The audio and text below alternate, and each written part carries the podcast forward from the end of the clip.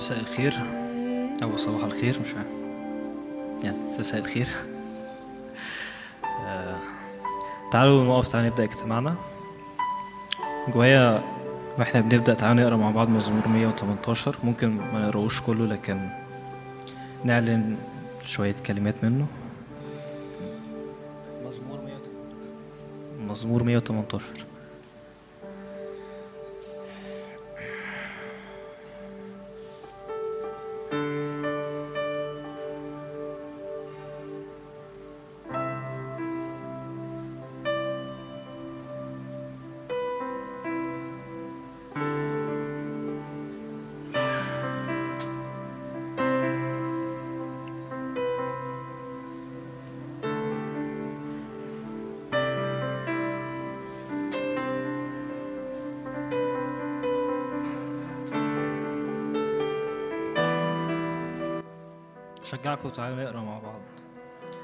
احمدوا الرب لأنه صالح لأن للأبد رحمته. ليقل إسرائيل إن إلى الأبد رحمته. ليقل بيت هارون إن إلى الأبد رحمته. ليقل متقوا الرب إن إلى الأبد رحمته. من الضيق دعوت الرب فأجابني من الرحم الرب لي فلا أخاف ماذا يصنع بي إنسان الرب لي بين معيني وأنا سأرى بأعدائي. الاحتماء بالرب خير من التوكل على الإنسان. الاحتماء بالرب خير من التوكل على الرؤساء. كل الأمم أحاطوا بي باسم الرب أبيدهم. أحاطوا بي واكتنفوني باسم الرب أبيدهم.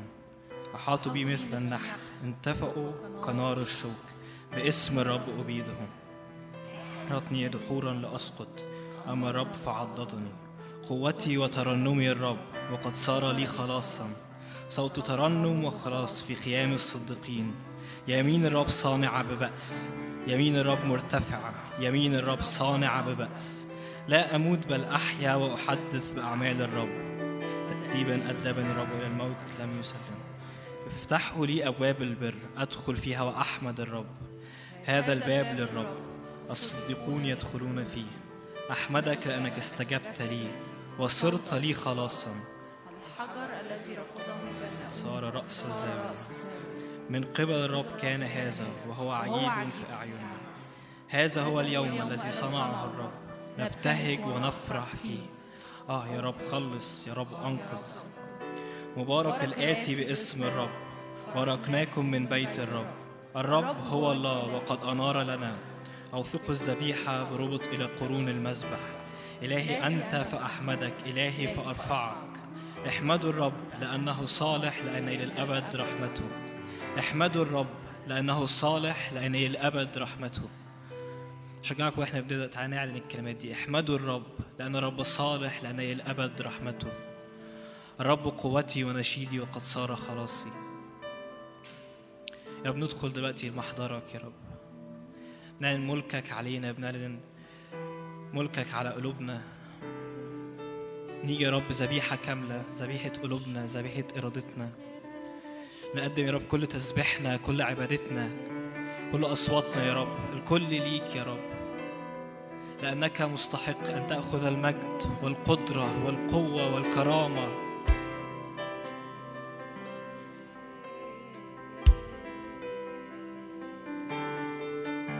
نعم يا رب أنت مستحق.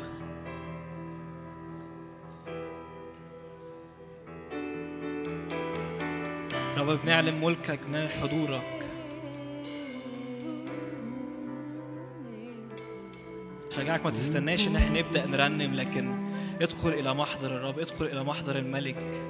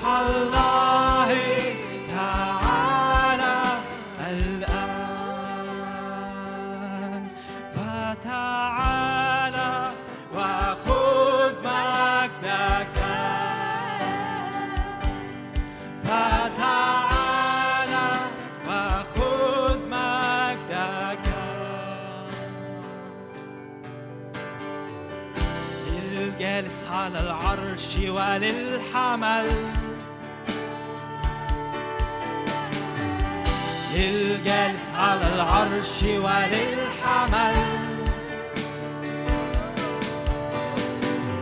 للجالس على العرش وللحمل.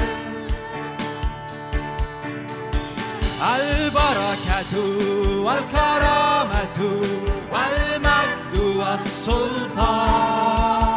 البركة والكرامة والمجد سلطان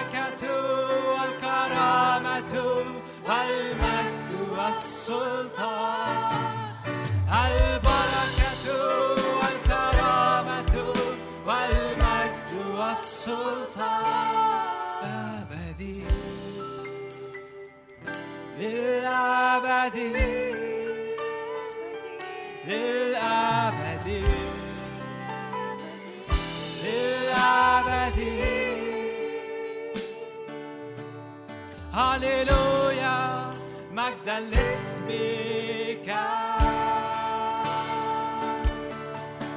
رب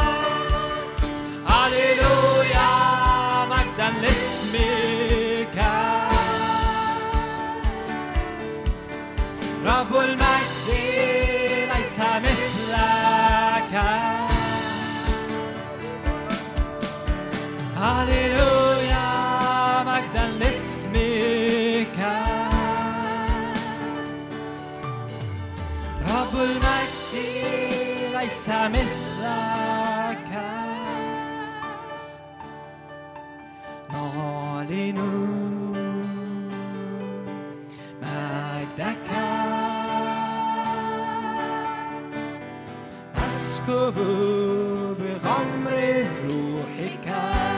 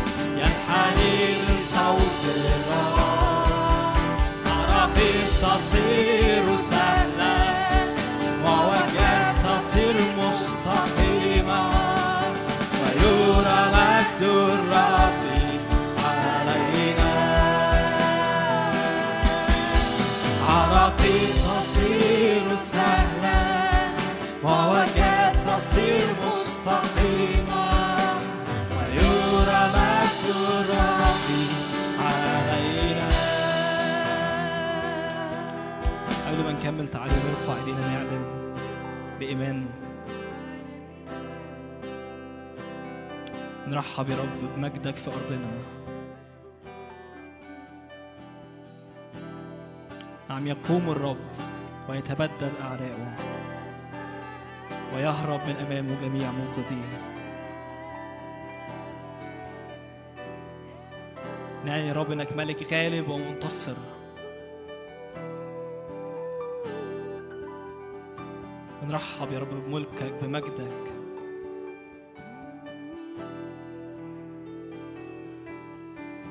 يقوم الرب ويتبدد أعداؤه ويهرب من أمامه جميع مبغضيه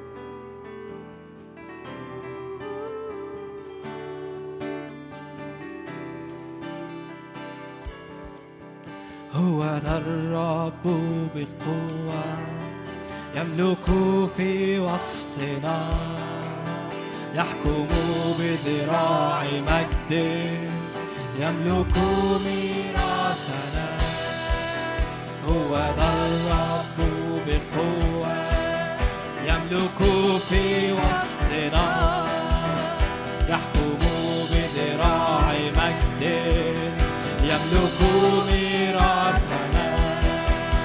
عراقيب تصير مستقيمة ويرى مجد الرب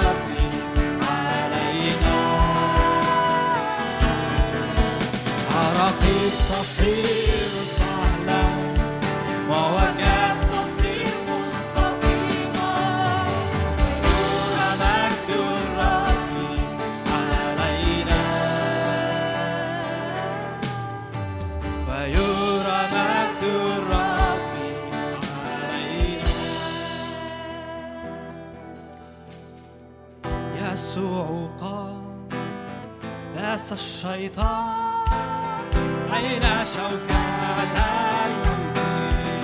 حطم أسوار عبر أبواب. يسوع قام داس الشيطان أين شوكات الموت حطم أسوار عبر أبواب.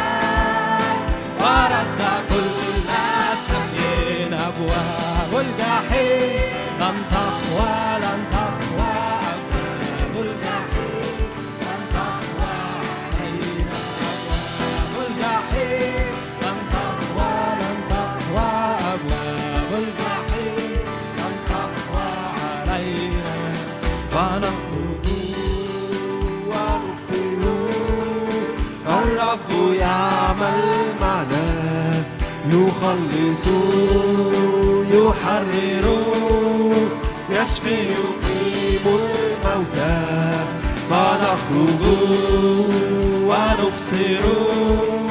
الرب يعمل معنا يخلص يحرر يشفي يقيم الموتى. أبواب الجحيم لن تقوى لن الجحيم لن تقوى علينا أبواب الجحيم. لن تقوى لن تقوى أبواب الجحيم. لن تقوى علينا. قد صعد قد صعد. رب الجنود يعبد أجداد الشعب نعلن سلطان جيش الإيمان منتصرا في الحرب قد صعد. رب الجنود يعبد أجداد الشعب. نعلن سلطان جيش الإيمان منتصرا في الحرب أبواب الجحيم.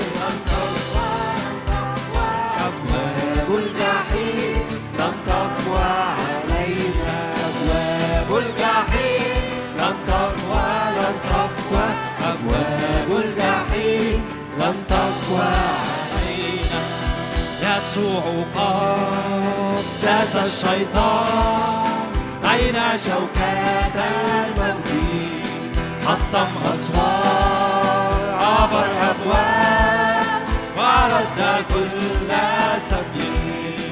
يسوع قد داس الشيطان أين شوكات الموت حطم أسوار عبر أبواب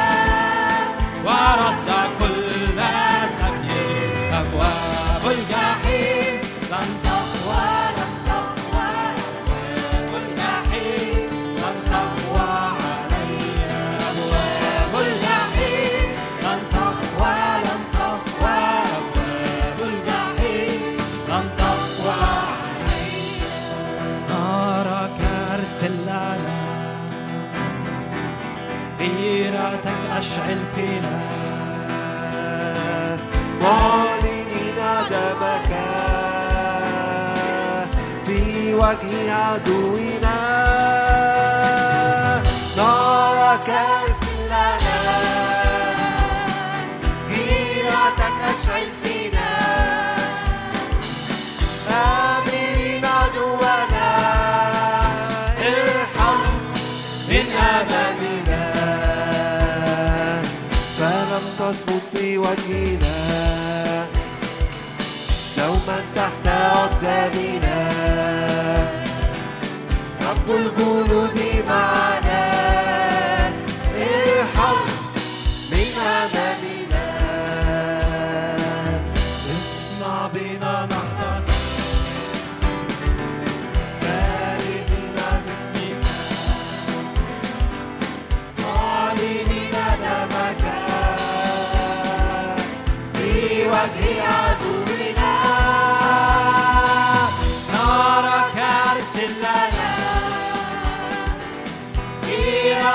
أشعل فينا آمرين عدونا ارحل من أمامنا. اصنع بنا نهضة بارزين باسمك. معلنين دمك. في وجه عدونا لنا غيرتك أشعل فينا. امرين عدونا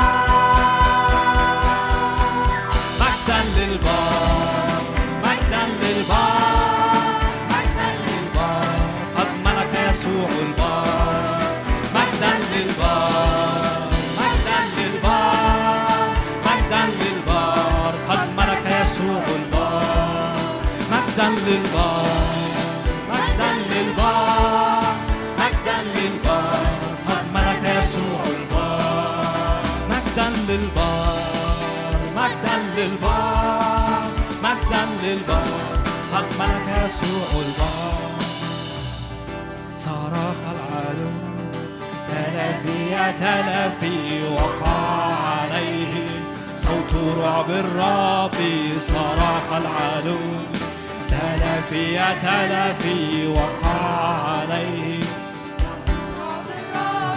سقط الشيطان أمامه مثل البرق ملك يسوع ورفع في المجد. سقط الشيطان أمامه مثل البرق ملك يسوع ورفع في المجد. مجدا للبار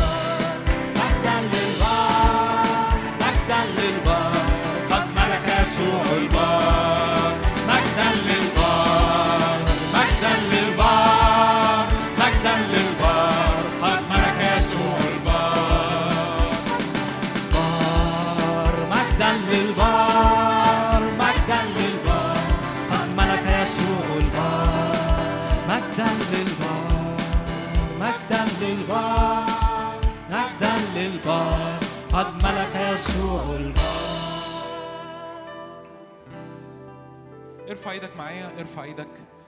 هللويا. نعلن ملكك يا رب علينا في هذا اليوم في اسم الرب يسوع. نؤمن يا رب أجواء مفتوحة بسماء مفتوحة ملائكة الله صاعده ونازلة علينا. نؤمن. جايين النهارده للفرح جايين النهارده للقوة جايين النهارده للمسحة جايين النهارده للإطلاق جايين النهارده للإرسالية جايين النهارده لأن الحصاد كثير ورب يريد أن يرسلنا فعل للحصاد. قول رب النهارده أنا جاي أستقبل بكل جوارحي أستقبل في العبادة أستقبل في التسبيح أستقبل في التعليم أستقبل في المسحة أستقبل في سكيب. الروح القدس ارفع إيدك كده. نعم يا رب نعلنك ملك على ظروفنا على أيامنا على يا رب هذا اليوم في اسم رب يسوع. نعلن يا رب اختراقات نعلن يا رب امتلاكات في اسم الرب يسوع. نعلن نقلات في اسم الرب يسوع. نعلن ترقيات في الروح. في اسم الرب يسوع تشجيعات الروح القدس اللي تملأ قلبك وتملأ قلبك الآن. تشجيعات الروح القدس في اسم الرب يسوع. نرفع أجنحة كالنسور في اسم الرب يسوع. نقفز على كل ضعف نقفز على كل أزمنة ضعف نقفز على كل تفشيل نقفز على كل خزي في اسم الرب يسوع. ترقيات ارفع إيدك كده معايا واعلن ترقيات في اسم يسوع. انطقها كده على حياتك انطقها على أيامك انطقها على خدمتك. أنا بعلن ترقيات في اسم يسوع ترقيات في اسم يسوع ترقيات في المسحه ترقيات في الاعلان ترقيات في الخدمه أنا جاي النهارده استقبل مش جاي النهارده اسمع معلومه أنا جاي استقبل أنا جاي اتنقل أنا جاي اترقى أنا جاي اطلق في اسم الرب يسوع أنا جاي استقبل أنا جاي اترقى أنا جاي امسح وجاي اطلق في اسم الرب يسوع النهارده أنا مش جاي اسمع معلومات أنا جاي النهارده أتن- أت- اترقى في الروح أنا جاي اطلق وارسل لاجل الحصاد في اسم الرب يسوع ارسلني يا روح الله ارسلني. ارسلنا يا روح الله ارسلنا. ارسلنا وامسحنا واطلقنا واشعلنا بنارك في اسم الرب يسوع.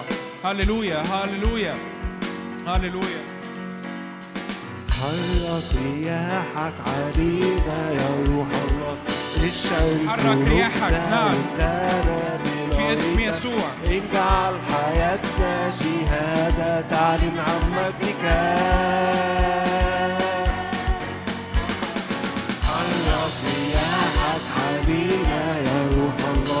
اشعل قلوبنا واملانا بنارك اجعل حياتنا شهادة. تعلن عن مجدك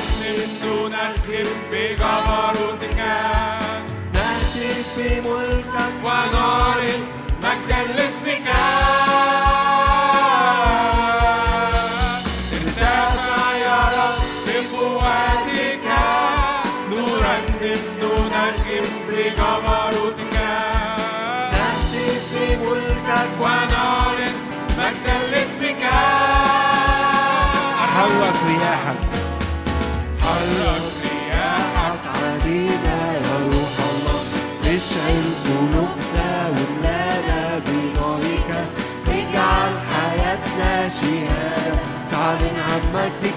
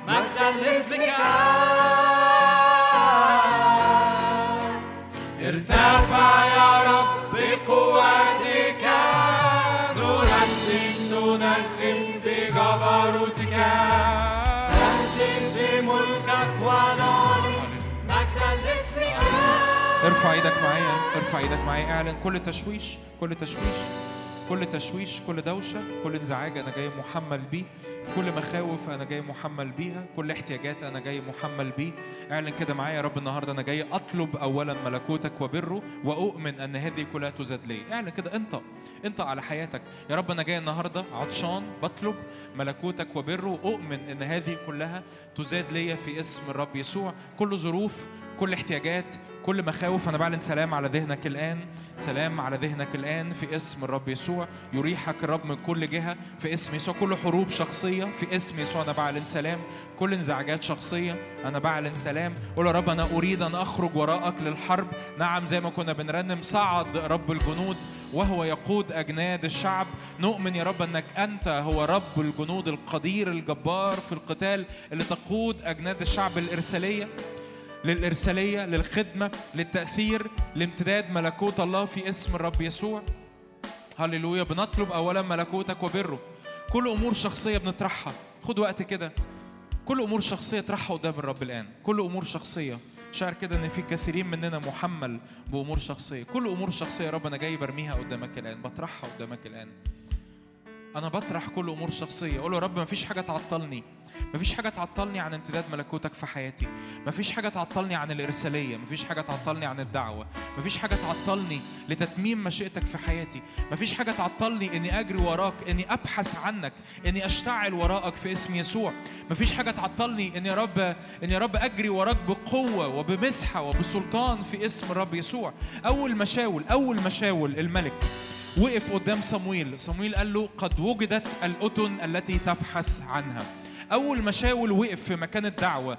أول ما شاول وقف في مكان الإرسالية. صمويل قال له قد وجدت الأتن التي تبحث عنها. يا رب أنا بصلي. نعطش لملكوتك. نعطش لقوتك. نعطش لإرساليتك. نعطش لمسحتك. املانا بالعطش. املانا بالتوقع. هللويا.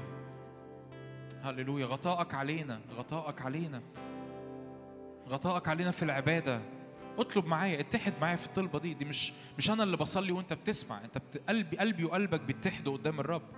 يا رب غطائك علينا في العبادة غطائك علينا في الكلمة غطائك علينا في التعليم غطائك علينا في المسحة غطائك علينا في ال...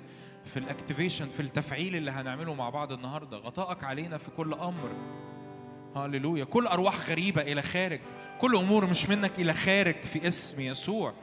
كل أمور من العدو إلى خارج. كل طموحات شخصية إلى خارج في اسم الرب يسوع. كل انحصار في النفس إلى خارج في اسم يسوع. نطلب ملكوت الله. نطلب ملكوت الله. قد وجدت الأتن ونؤمن. ان إحنا لما نقف قدام صمويل لما نقف قدام الرب إن الرب ينطق على حياتنا قد وجدت الأتن في اسم الرب يسوع التي تبحث عنها. هللويا هللويا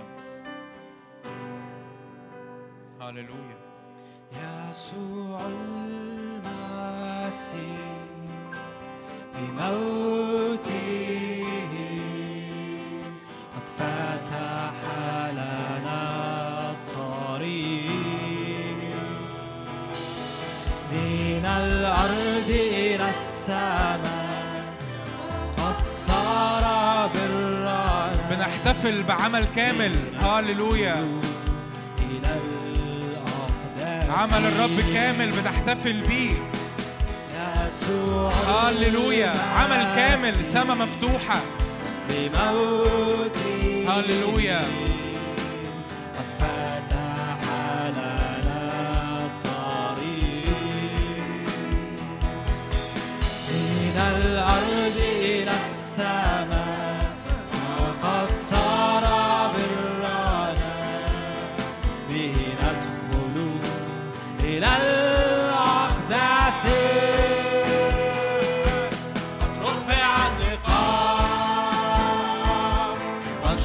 الحجاب.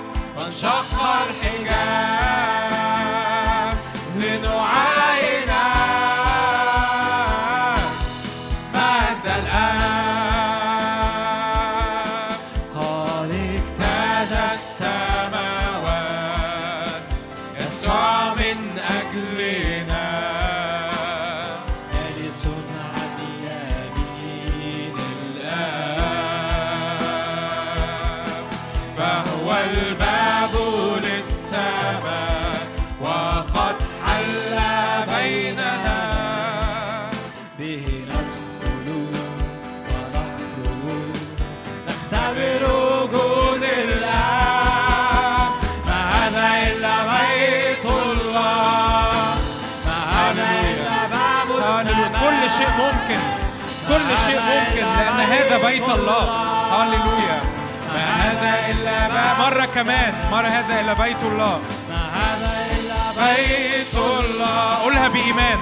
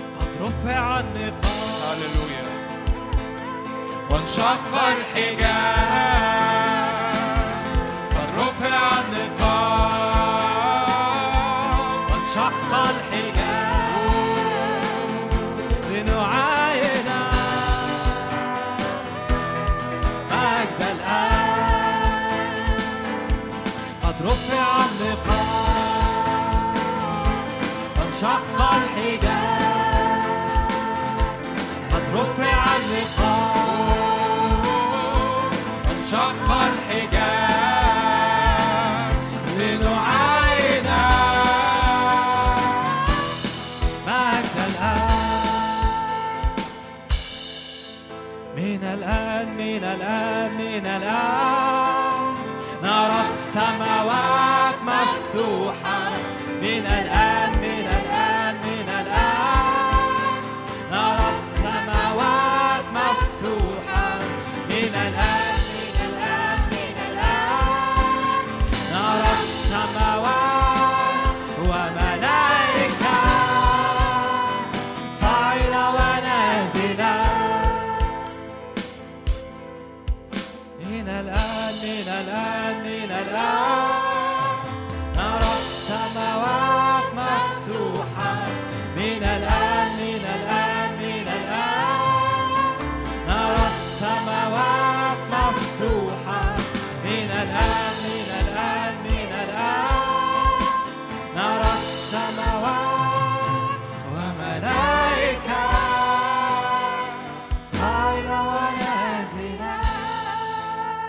واقف قدام الرب في اللحظات دي محتاج تآمن بقلبك إنه تحت السماء المفتوحة كل شيء ممكن كل شيء ممكن. ودي مش مش كلمات مشجعة كل شيء ممكن. لما الرب قال كده للتلاميذ من الآن ترون السماء مفتوحة ملائكة الله يصعدون وينزلون على ابن الإنسان. الرب كان بيقول كده كل شيء ممكن السماء ما بقتش مقفولة. مفيش مفيش فاصل ما بيني وما بين الآب مفيش فاصل ما بيني وما بين السماء مفيش فاصل ما بيني وما بين المعجزة مفيش فاصل ما بيني وما بين تتميم كل مشيئة الله في حياتي مفيش فاصل ما بيني وما بين تتميم كل مشيئة الله في حياتي. في اسم الرب يسوع نعلن ونؤمن أن كل شيء ممكن في اسم يسوع. كل شيء ممكن كل شيء ممكن كل شيء ممكن في اسم الرب يسوع. لا شيء يفصلني عن محبة الله التي في المسيح يسوع. أشد أم ضيق أم اضطهاد أم جوع أم عري أم خطر أم سيف. كل شيء ممكن تحت السماء المفتوحة كل شيء ممكن تحت السماء المفتوحة هللويا. هللويا. هللويا. روح الله أنا بصلي. ارفع إيدك كده معايا واستقبل بإيمان. روح الله بصلي نقلة إيمان قفزة إيمان تشجيع للإيمان في اسم الرب يسوع. كل عدم إيمان أنا بنتهره في اسم يسوع. كل رداء عدم إيمان كل رداء تفشيل كل رداء خزي كل رداء حزن كل رداء انحصار في أزمنة ماضية في حروب أو في صراعات أو في. أو في تشكيك في صلاح الرب في اسم الرب يسوع. يرفع من علينا لأن كل شيء ممكن كل شيء ممكن كل شيء ممكن كل شيء ممكن في اسم يسوع. وانت واقف كده قدام الجليات اللي انت بتهاجمه قدام الصراعات اللي انت بتهاجمها انت واقف بإيمان أن كل شيء ممكن واليوم يحبسك الرب في يدي في اسم يسوع. كل شيء ممكن واليوم يحبسك الرب في يدي لأن السماوات مفتوحة على ابن الإنسان الذي فيا في اسم الرب يسوع. اسم يسوع. روح الله قفزة إيمان. قف حط إيدك على قلبك كده. قفزة إيمان في اسم يسوع. قفزة إيمان. قفزة إيمان في اسم يسوع. قفزة إيمان. لأن كل شيء ممكن في الإيمان. لأن ال- المؤمن يستطيع. لأن المؤمن يستطيع. قال الرب يسوع لأبو الولد كل شيء مستطاع للمؤمن. كل شيء مستطاع للمؤمن. كل شيء لنا في اسم الرب يسوع. كل شيء ممكن كل شيء ممكن للذي يؤمن في اسم الرب يسوع. هللويا نعم. هللويا هللويا. هللويا. ما أنا إلا هيكل لله ما أنا إلا سكن الإله قد انفتحت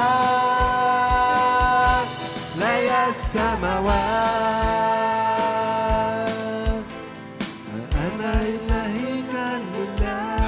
هيكل مكان أنا إلا سكن هللويا مكان الحضور الإله الإلهي. الله ساكن فيا. الله يسكن فيا. الله يسكن إلا هللويا. هللويا. أنا إلا هيكل لله. أنا إلا سكن الإله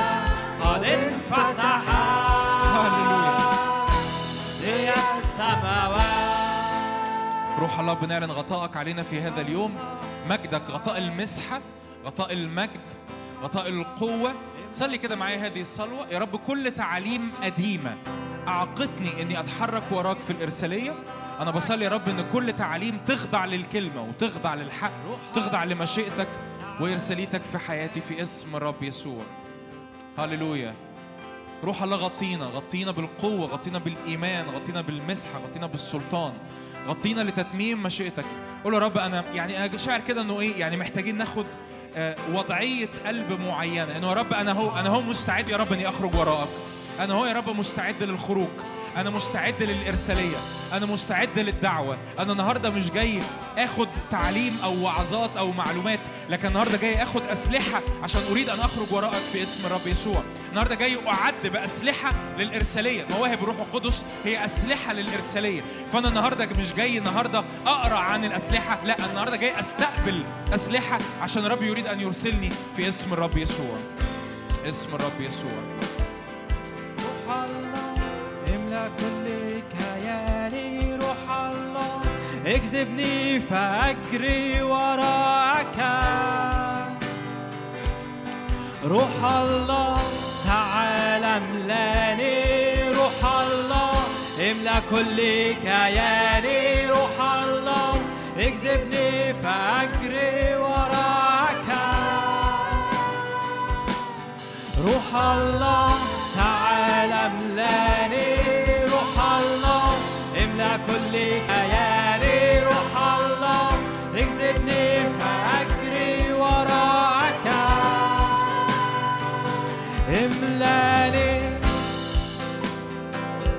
قدسني طهرني. اف علي الآن املأني. أشعلني. أرسلني. اف علي الآن. روح الله.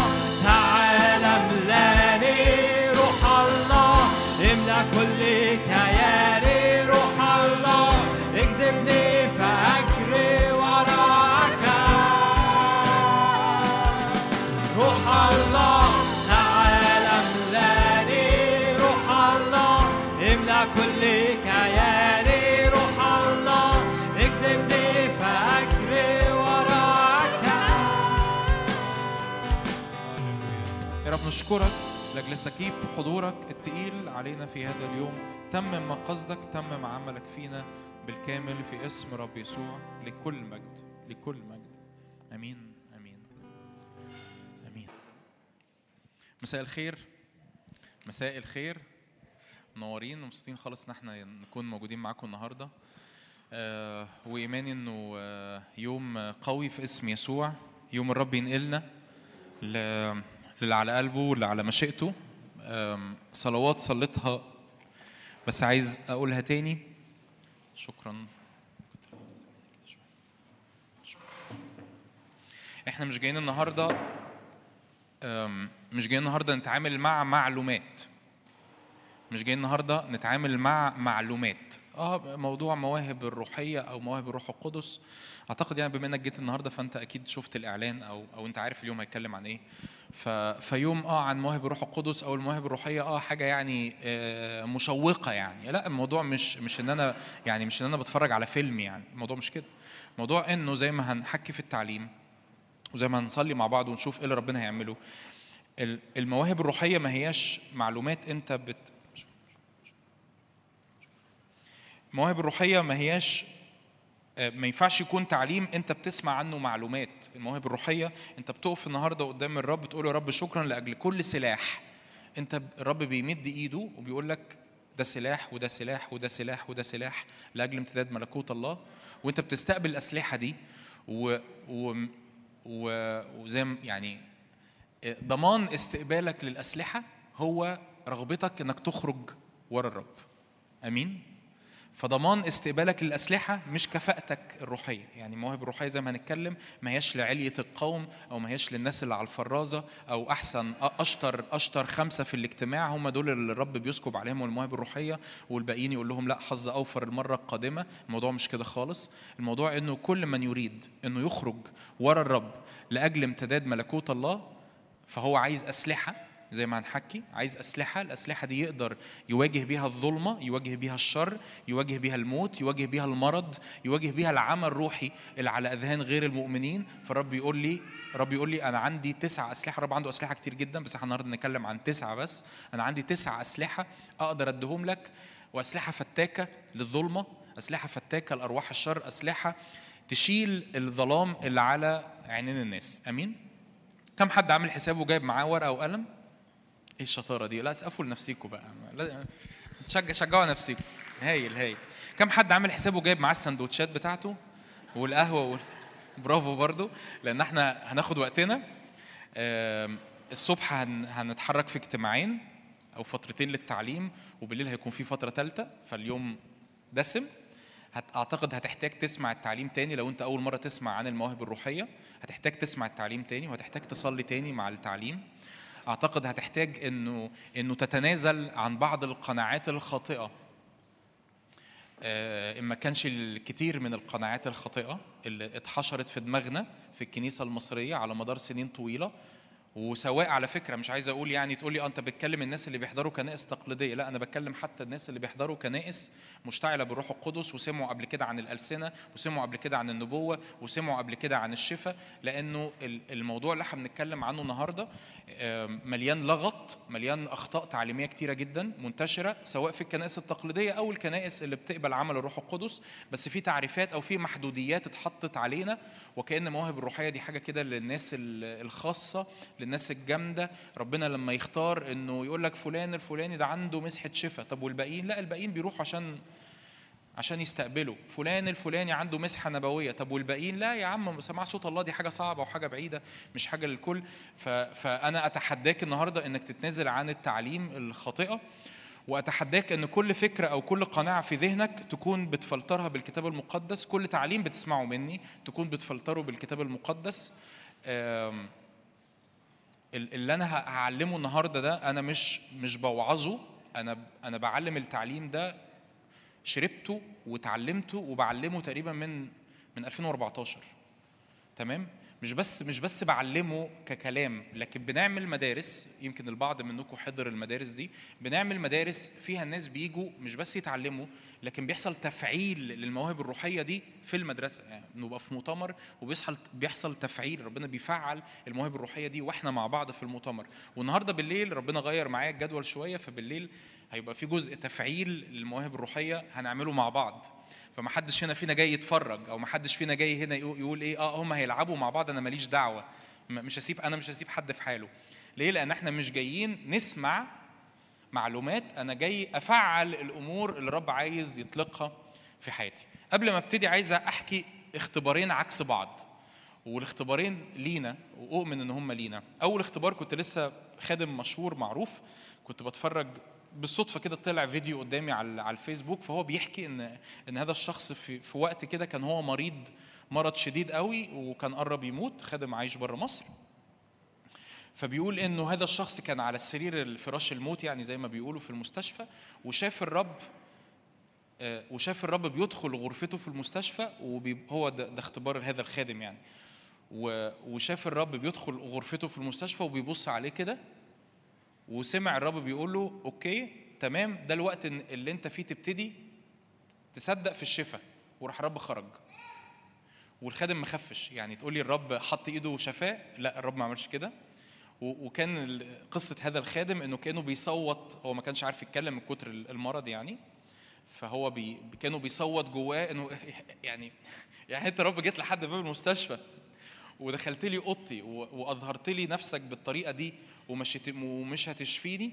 وكان رد الرب في قلب ال- الخادم ده انه جه الوقت انك تمارس اللي انت مصدق فيه. وهذا الخادم ابتدى ي... ي... ي... وكأنه ذهنه ينتعش وقلبه اؤمن إن الاختبارين دول لناس كتير هنا. ذهنه ينتعش ويؤمن إنه آه أنا أنا أؤمن في الشفاء الإلهي أؤمن في قوة الله أؤمن إن الله ساكن فيا أؤمن بالمعجزة أؤمن بكذا. وكان في لهج بيحصل داخلي لحد ما فعلا هذا الخادم خف. آمين؟ فده أول اختبار. أول اختبار تحس إن هو مش مشجع لكنه مشجع وأول اختبار ده هيقودني للاختبار التاني. فأول اختبار إنه وكأن الرب زار هذا الخادم وكان ينفع الرب في لحظة يحط إيده عليه زي ما قصص كتير بنسمعها وقصص حقيقية. والرب يحط إيده عليه في لحظة و... وكان يبقى اختبار مشجع صح؟ هللويا مجد للرب. الرب دخل في الأوضة بتاعتي في المستشفى وأنا على فراش المرض والرب شفاني مجد للرب. بس مش ده اللي حصل. الرب كانه كأنه بيغيظه. كأنه بيشعل الغيرة في قلبه إن أنت بتؤمن بحاجة. طب أنت ليه اللي أنت بتؤمن بيه ده مش بتمارسه؟ فعله شغله الاختبار التاني اختبار أنا حضرته شخصيا كنت كنا في مؤتمر في في سوهاج من فترة. الاختبار ده حكيته كذا مرة بحبه لأن هو ملوش علاقة بخادم ملوش علاقة بأي حد عمل أي حاجة. كنا كنت في سوهاج في مؤتمر. وبعدين بنعلم عن كنا بنعلم عن الخليقة الجديدة في المؤتمر. وإحنا بنعلم عن الخليقة الجديدة. كان مؤتمر شباب. حاضر معانا سيدة أم ل- لولد وبنت في في المؤتمر ده. فبنتكلم عن الخليقة الجديدة بنتكلم ان الخليقة الجديدة معناه إن الله ساكن فيك إن أنت شريك الطبيعة الإلهية. كم حد سمع الكلام اللي أنا بقوله ده قبل كده؟ إن أنت خليقة جديدة إن أنت شريك الطبيعة الإلهية إن روح القدس فيك روح القدس ده اللي هو الله الله ساكن فيك بنفسه. فهي برضو سمعت الكلام ده قبل كده لأن هي مؤمنة بقالها سنين. المهم في في في بداية الاجتماع في نهاية الاجتماع الأولاني بنرنم ترنيمة اللي هي من الآن نرى السماوات المفتوحة وبنردد الكلمات بتاعه ما أنا الا هيكل لله ما أنا إلا سكن الإله. فقالت فهي في قلبها كده اتغاظت اتغاظت اتغاظت انه وك- وهي هي دي صلاتها. هي ده اللي- ده اختبارها. إن هي وكأنها بتصلي لربنا وتقول يا رب بقى ينفع أنت تسكن في هيكل هي كان عندها مشاكل عندها مشاكل ضخمة في العمود الفقري دراعها الشمال بقى كذا سنة دراعها الشمال ما بيترفعش عندها آلام مستمرة في رجليها عندها مشاكل في العمود الفقري الفقرات اللي تحت والفقرات اللي فوق دراعها الشمال ما بيترفعش رجليها طول الوقت في ألم وده بحسب القصة اللي هي بتقولها إن هي كانت كل ثلاث أشهر لازم تغير الشوز اللي هي لابساه لأن هي ما كانتش تقدر تمشي حافية وما تقدرش تمشي على نعل آه، نشف فلازم يتغير طول الوقت من كتر الألم. فهي بتقول لربنا كده في الصلاة تقول له رب يعني ينفع تبقى أنت الهيكل.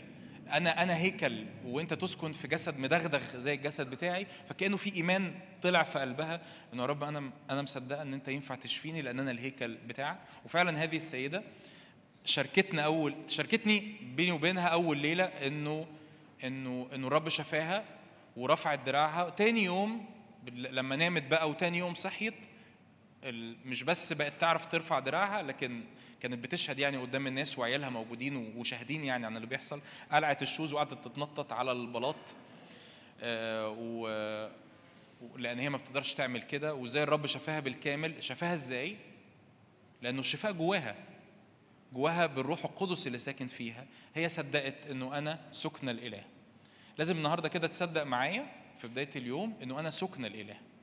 إن روح الله يسكن فيا. إن روح الله يسكن فيا. وأنا جه الوقت إن إن لتفعيل جه الوقت لتفعيل كل أمر أؤمن بيه أو كل أمر اتعلمته أو كل وعظة سمعتها جه الوقت إن هذا الأمر يتفعل في قلبي إن قلبي يشتعل بالإيمان قلبي يشتعل بالثقة قلبي يشتعل بالغيرة إن رب كل تعليم وكل كل كلمة في كل آية في الكتاب المقدس هو حق وأنا أنا الحق ده لازم يكون ليه نتيجة إنه يا رب أنا سكن الإله أنا هيكل لله فلما بنتكلم عن مواهب الروح القدس بنتكلم عن حاجة بعيدة لأن لو هي مواهب الروح القدس فالروح القدس فيك. آمين؟ لو بنتكلم عن الشفاء فالشفاء فيك. لو بنتكلم عن إخراج الشياطين فالروح القدس اللي فيك أعظم من أي روح شرير ممكن تقابله. آمين؟ آمين. فتبقى متشجع إنه يا رب لو في حاجة كمان أنت جاي كأنه معصلك فيها مع ربنا أنت تقف بإيمان إنه يا رب أنا أنا أؤمن إن أنا مكان للسكنة الإلهية. أنا هيكل لله ارفع إيدك كده معايا. أنا هيكل لله وروح الله ساكن فيا. شكرا يا روح الله لأنك تغمر كل الإناء. تغمر النفس تغمر الجسد تغمر الذهن وكل حاجة فيا تخضع للروح القدس القوي اللي ساكن فيا. كل حاجة فيا في ذهني في مشاعري في جسدي في ظروفي تخضع للروح القدس القوي اللي ساكن فيا في اسم الرب يسوع. هللويا في اسم يسوع. تعالوا نفتح سفر الأعمال إصحاح واحد. يعني كأنها مقدمة كده بسيطة قبل ما ندخل عن المواهب الروحية. سفر الأعمال إصحاح واحد. من أول عدد واحد. الكلام الأول أنشأته يا ثوفيلوس عن جميع ما ابتدأ يسوع يفعله ويعلم به إلى اليوم الذي ارتفع فيه بعدما أوصى بالروح القدس الرسل الذين اختارهم. أشجعك برضو لو أنت عندك أسئلة اكتب سؤالك وخلي الأسئلة في نهاية كل سيشن هنهدي فرصة للأسئلة علشان الوقت وعشان ممكن يكون سؤالك بيتجاوب في وسط التعليم. فعن جميع ابتدأ يسوع يفعله ويعلم به إلى اليوم الذي ارتفع فيه بعدما أوصى بالروح القدس الرسل الذين اختارهم فالرب كان بيوصي الرسل بإيه؟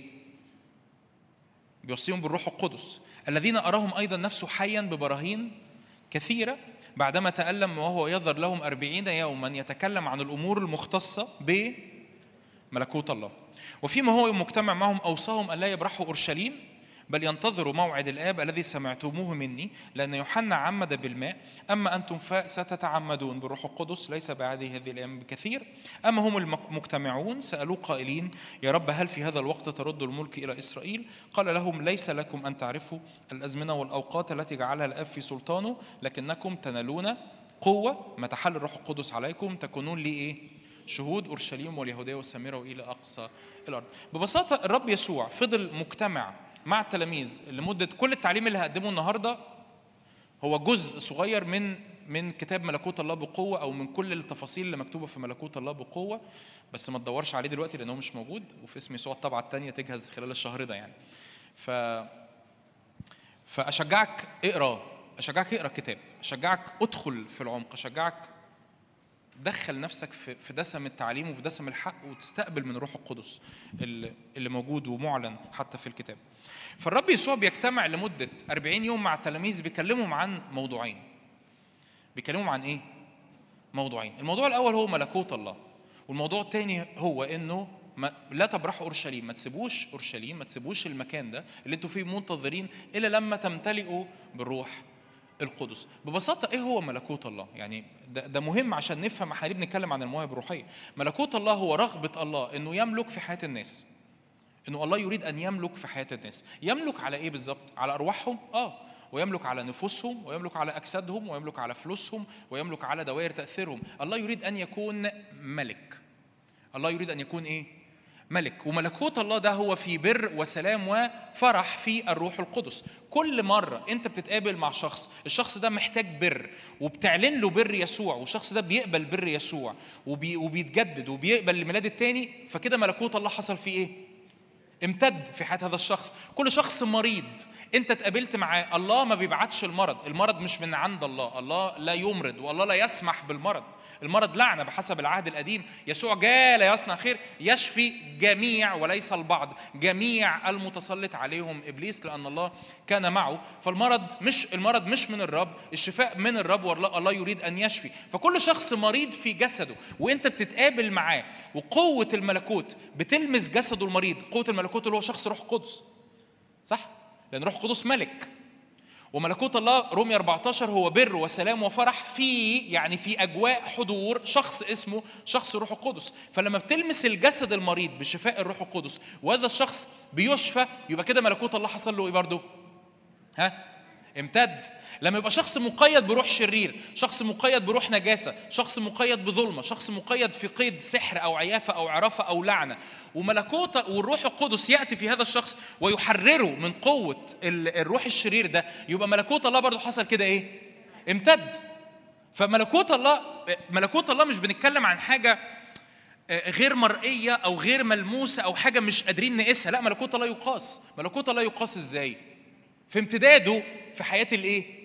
النفوس لما الرب يسوع قال كده للفريسيين إن كنتوا بإصبع الله أو إن كنتوا بروح الله أخرج الشياطين فقد أقبل عليكم هتفكر إيه؟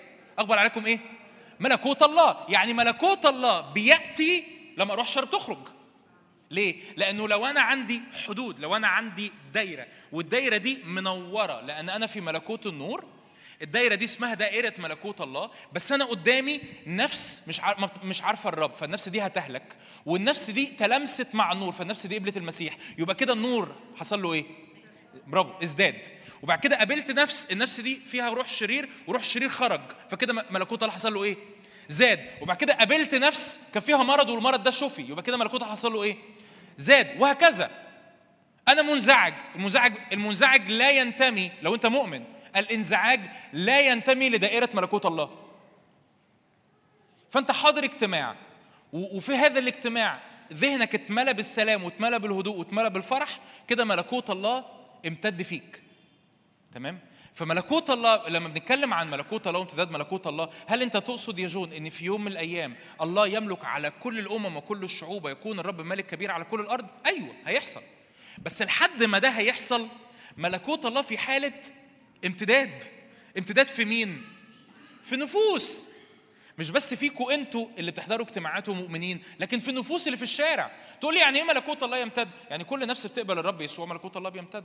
كل نفس بتتقابل مع الشفاء ملكوت الله بيمتد. كل نفس بتتحرر من روح شرير ملكوت الله بيمتد. كل نفس بتستقبل كلمة نبوية فبتتملي بالسلام وبتتملي بالفرح وبتتملي بإدراك إن الله موجود والله بيحبني يبقى ملكوت الله إيه؟ امتد. ملكوت الله عشان يمتد عشان حدود مملكة تزداد لازم تيجي على حساب حدود مملكة تانية مبارك الله الذي أنقذنا من سلطان الظلمة ونقلنا إلى ففي حاجة اسمها سلطان الظلمة وفي حاجة اسمها ملكوت ابن إيه؟ محبته ففي ظلمة أنا أنا أنا غير مؤمن. أنا ما أعرفش الرب. فإبليس ملك على حياتي إبليس سيد على حياتي. بيستخدمني كأداة في إيده آه، في شر في خطية في نجاسة في في كره حتى في بغضة. أيا كان بيسود عليا الكتاب بيقول كده إله هذا الدهر أعمى أذهان غير المؤمنين. فهو بي- بيسود على ذهني بيسود على أفكاري. ويجي واحد يكرز لي ويربحني للمسيح. كده ملكوت الظلمة تلقائيا. حدود تأثيره قلت وملكوت النور حدود تأثيره زادت. ده يقول لي لو في مملكة المملكة دي فيها جيوش بحسب إبليس وبحسب الكتاب المقدس مصارعاتنا ليست مع دم ولحم بل مع الرؤساء مع السلاطين مع ولاية العالم على ظلمة هذا الظهر مع أجناد الشر الروحية في السماويات. فإبليس عنده جيش وجيش منظم. ملكوت الله برضو عنده جيش وجيش منظم. ده يقول لي إن هذه المواجهة ما ينفعش تحصل بدون قوة. ما ينفعش. ما ينفعش. والرب يسوع كان واضح جدا جدا خصوصا في إخراج الشياطين. قال كده لا يستطيع أحد أن يدخل البيت القوي وينهب أمتعته إن لم يأتي من هو إيه؟ أقوى. إيه الشطاره دي؟ أنتوا شاطرين قوي النهارده. أقوى إيه؟ منه. اذا الرب يقول لي إن إخراج الشياطين هي مقابله قوه مقابلة قوات ضد بعض. جنود إبليس جنود الشيطان اللي بتسود على حياة الناس يجي من هو أقوى منه اللي هو مؤمن مسيحي ممتلئ بالروح القدس يربط الكتاب بيقول كده يربط القوية اولا وينهب إيه؟ أمتعته. فإحنا في حرب إحنا مش في الكرازه الكرازه أو أو كلمات العلم أو النبوة أو الشفاء أو التحرير ما هياش حاجات كده يعني آه، بونبوني. لا دي أسلحة. أسلحة ليه؟ لأن أنت بتتحرك بسلاح قوي بتخ... لازم تشوف المشهد ده أنت وكأن أنت ماسك سيف السيف ده مصنوع من النور بيخترق ستاير من الظلمة في حياة الناس. ففكرة امتداد ملكوت الله ما ينفع ما ينفعش أقول امتداد ملكوت الله إلا لما ابقى مدرك إن امتداد ملكوت الله لازم يحصل في مواجهة قوة. قوة ضد قوة. قوة ضد إيه؟ ضد قوه عشان كده بولس الرسول يقول في كورنثوس اولى إصحاح أربعة لأن ملكوت الله ليس بإيه؟ بكلام بل بإيه؟ بقوة. أنا نفسي الحتة دي تتستف. لأن لما بنتكلم عن المواهب الروحية إحنا مش بنتكلم عن حاجات لذيذة هنعملها مع بعض في الاجتماعات. لا. أنت بتتكلم عن الأسلحة اللي الرب عايز يديها لك. لأن الرب عايز ملكوته يمتد في حياة الناس. وملكوته ده مش هيمتد إلا بإيه؟ ها؟ بإيه؟ بقوة لأن في مملكة تانية. أنا مش رايح أكلم الناس وهم قاعدين على البحر أقول لهم تعالوا اتبعوا المسيح. القصة مش كده. القصة إن دول اسرى حتى لو هم قاعدين على البحر. لكن دول اسرى في مملكة تانية. لازم أبقى فاهم إن المملكة التانية مش هتتساهل معايا. مش هتتعامل معايا بلطف. تقول لي آه إبليس يقول لي أنت جاي تكرز؟ يلا يلا اتفضل خد النفوس. أنت جاي روح شرير ساكن في بيت ساكن في جسد. أنت جاي تحرر تحرر. يلا يلا ده أنا عايز أخرج. آه، الكتاب يقول لك كده ده أول ما روح الشرير بيخرج ي- ي- يجتاز في اماكن ليس فيها ما يقول أرجع إلى إيه؟ إلى بيتي. ده ده ده, ده الروح الشرير بي بيسمي الإنسان المقيد بيته ومش عايز يسيبه. ده رب يسوع يقول لك لازم يأتي من هو أقوى منه ويعمل إيه؟ ويربطه. آه دي دي, دي فاحنا مش بنتكلم عن آه، أزازة لب. بتقول لي يعني الموضوع صعب. لا الموضوع مش صعب بس أنا اللي أقصده إن أنت لازم تبقى مدرك إن ملكوت الله بقوة. لأن لأن القيود لأن أرواح الشر لأن الأمراض لأنه الناس اللي أذهانها معمية دي مش حاجة سهلة. حاجة سهلة على الممتلئ بروح القدس. لكن بالنسبة للنفوس المقيدة لا هم متربطين بجد. كأنه تحرير اسرى فاهمين أقصد إيه؟ كأنها عملية تحرير اسرى تحرير رهائن. ال... ال... ايا كان حتى لو حرامي حتى لو حرامي قدام قوة من. من القوات المسلحة كتيبة من القوات المسلحة. بالنسبة للرهين ده هو مربوط ولا مش مربوط؟ مربوط. ونحتاج إلى تدخل قوة. حتى لو في الآخر الموضوع هيخلص بسهولة. أيوه فأنا. مش بقول لك إن الموضوع هيخلص بصعوبة. فاهمين أقصد إيه؟ لكن الموضوع يحتاج إلى إيه؟ إلى قوة. القوة دي لن تأتي إلا بالروح القدس. فإحنا بنتكلم على يعني لو عايز أحط ترتيب للمقدمة دي ففي ملكوت الله اللي بيمتد. ملكوت الله ده عشان يمتد لازم يأتي بقوة. ما حدش هيديني القوة إلا شخص مين؟ الروح القدس. عشان كده يقول كده الرب يسوع تنالون إيه؟ قوة ما تحل الروح القدس عليكم. طب أنا ليه محتاج القوة؟ لأن أنا في مواجهة ممالك.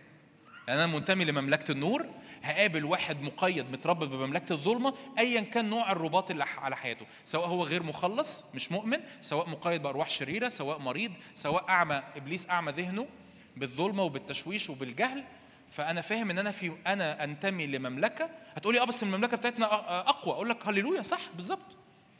بس المملكة بتاعتنا أقوى فأنا محتاج قوة المملكة بتاعتي دي عشان أنا بخطف نفوس من الظلمة وبجيبهم للرب. آمين؟ آمين. عشان كده الرب يسوع يقول في لوقا أربعة روح الرب علي لأنه قد إيه؟ مسحني. لأبشر المساكين أرسلني لأعصب منكسر القلوب أنادي المسبين بالعتق المأسورين بالإطلاق العمي بالبصر وأنادي بسنة الرب الإيه؟ المقبولة. فدي فدي حالة من الفرح ومن الإطلاق في مساكين وفي ناس متألمة وفي ناس حزانة و و و. الرب بي- بيرسلنا علشان نعمل كده ومواهب روح القدس هي الأسلحة اللي الرب بيديها لنا علشان نتمم العمل. ده لازم يبقى مليك النهارده. مواهب الروح القدس هي الأسلحة اللي الله بيدهاني عشان ملكوت الله يمتد لأن ملكوت الله بيمتد على حساب إيه؟ مملكة أخرى. على حساب ملكوت الظلمة. فلازم المواجهة دي أبقى أنا مؤيد بقوة السماء. أمين؟ مؤيد بأسلحة السماء. أمين؟ تعالوا نفتح النص المشهور كورنثوس الأولى إصحاح 12 من أول عدد واحد. كورنثوس الأولى إصحاح 12 من أول عدد واحد. يقول كده الرسول بولس أما من جهة المواهب الروحية أيها الإخوة فلست أريد أن تجهلوا لا أريد أن تكونوا جاهلين. من جهة الأمور الروحية لا أريد أن تكونوا جاهلين. أنتم تعلمون أنكم كنتم أمما منقادين إلى الأوثان البكم كما كنتم تساقون. لذلك أعرفكم أن ليس أحد وهو يتكلم بروح الله يقول يسوع أناثيما وليس أحد يقدر أن يقول يسوع رب إلا بالروح القدس. أنواع مواهب موجودة لكن الروح واحد. أنواع خدم موجودة لكن الرب واحد. أنواع أعمال موجودة لكن الله واحد الذي يعمل الكل في الكل. ال- خدم والأعمال دي قصة تانية خالص لكن مواهب موجودة. المواهب بتاعت الروح الواحد هو ده بتاعت آه، كورنثوس الاولى إصحاح 12 لكنه لكل واحد يعطى إظهار الروح للمنفعة. فانه لواحد يعطى بالروح كلام حكمة لآخر كلام علم بحسب الروح الواحد لآخر إيمان بالروح الواحد لآخر مواهب شفاء بالروح الواحد ولآخر عمل قوات ولآخر نبوة ولآخر تمييز الأرواح ولآخر أنواع الألسنة ولآخر ترجمة ألسنة. ولكن هذه كلها يعملها الروح الواحد بعينه قاسما لكل واحد بمفرده كما إيه؟ كما شاء. لأنه كما أن الجسد هو واحد وله أعضاء كثيرة وكل أعضاء الجسد الواحد إذا كانت كثيرة هي جسد واحد كذلك المسيح أيضا. ببساطة الرسول بولس يجي ده مهم. كل حاجة أنا بقولها يعني مهم. ف 12 13 14 بولس الرسول بيتكلم عن مواهب الروح القدس بيتكلم عن إظهارات الروح القدس وبيتكلم عن كيفية ممارسة مواهب الروح القدس في داخل اجتماع المؤمنين أو في خلال الخدمة. أم، فبيقول لهم ببساطة أنتوا محتاجين تبقوا غير جهلة تبقوا متعلمين تبقوا مش جهال في الأمور اللي تختص بمواهب الروح القدس. وللأسف الكنيسة المصرية والعربية لسه إحنا يعني آه، بناخد بيبي ستيبس يعني بناخد خطوات بسيطة قوي لسه في التعلم عن مواهب الروح وممارسة مواهب الروح. لكن في اسم يسوع هنوصل يعني. هنتكلم عن ست مبادئ. الأول ست مبادئ مهمين جدا جدا. قبل ما أخش في أنا هعمل إيه النهارده؟ هتكلم عن مبادئ عامة عن اظهارات الروح القدس. وبعد كده هاخد اظهارات الروح القدس هشرحها واحدة واحدة. ده دول الاجتماعين بتوع الصبحيه تمام؟ ففي اسم يسوع هن ها؟ سندوتشات. لو جوعت في النص طلع سندوتش في النص. آه، القهوة. تمام؟ بس خليك مركز معايا.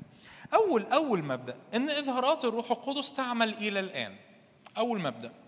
إن إظهارات الروح القدس مواهب الروح القدس حتى لو أنت لسه مش عارفهم يعني إيه هو كلام العلم وإيه كلام الحكمة وإيه النبوة وإيه الشفاء هنجيله هنيجي للتعريفات. بس لازم نتفق على شوية المبادئ دي. إن إظهارات الروح القدس تعمل إلى الآن. المبدأ الأول إظهارات الروح القدس تعمل إلى الآن. مفيش ولا آية في العهد الجديد مفيش ولا آية في العهد الجديد بتقول إن الرب بطل يدي الكنيسة إظهارات الروح القدس. مفيش ولا آية في العهد الجديد بتقول إن الرب بطل يدي مواهب الروح القدس للمؤمنين، وأنا بالنسبة لي حاجة زي كده مهمة زي مواهب الروح القدس. والكتاب المقدس لما بنقرأ الأناجيل ولما بنقرأ سفر أعمال الرسل بنلاقي إنه الرب يسوع كان بيخدم بمواهب الروح القدس. قعد جلس على البئر مع السامرية واداها كلمة علم. قال لها أنت كنت متجوزة خمسة واللي انت قاعدة معاه ده مش مش جوزك. فاهمين؟ الرسل كانت آيات وعجائب كثيرة تصنع على أيدي الرسل فالرسل في آيات وعجائب ومواهب الروح القدس وشفاءات وتحرير وكلامات نبوية وتمييز أرواح و كل ده والكنيسة كانت قوية في سفر الأعمال. وبعد كده الرب فجأة يقول إيه؟ مفاجأة. إيه المفاجأة؟ أنا مش هديكوا تاني مواهب الروح القدس.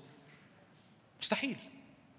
طب طب في ناس بيقولوا النهارده إن مواهب الروح القدس لا تعمل. آه في ناس النهارده بيقولوا مواهب الروح القدس لا تعمل. طب هم معتمدين على إيه؟ معتمدين على آية مفسرينها غلط.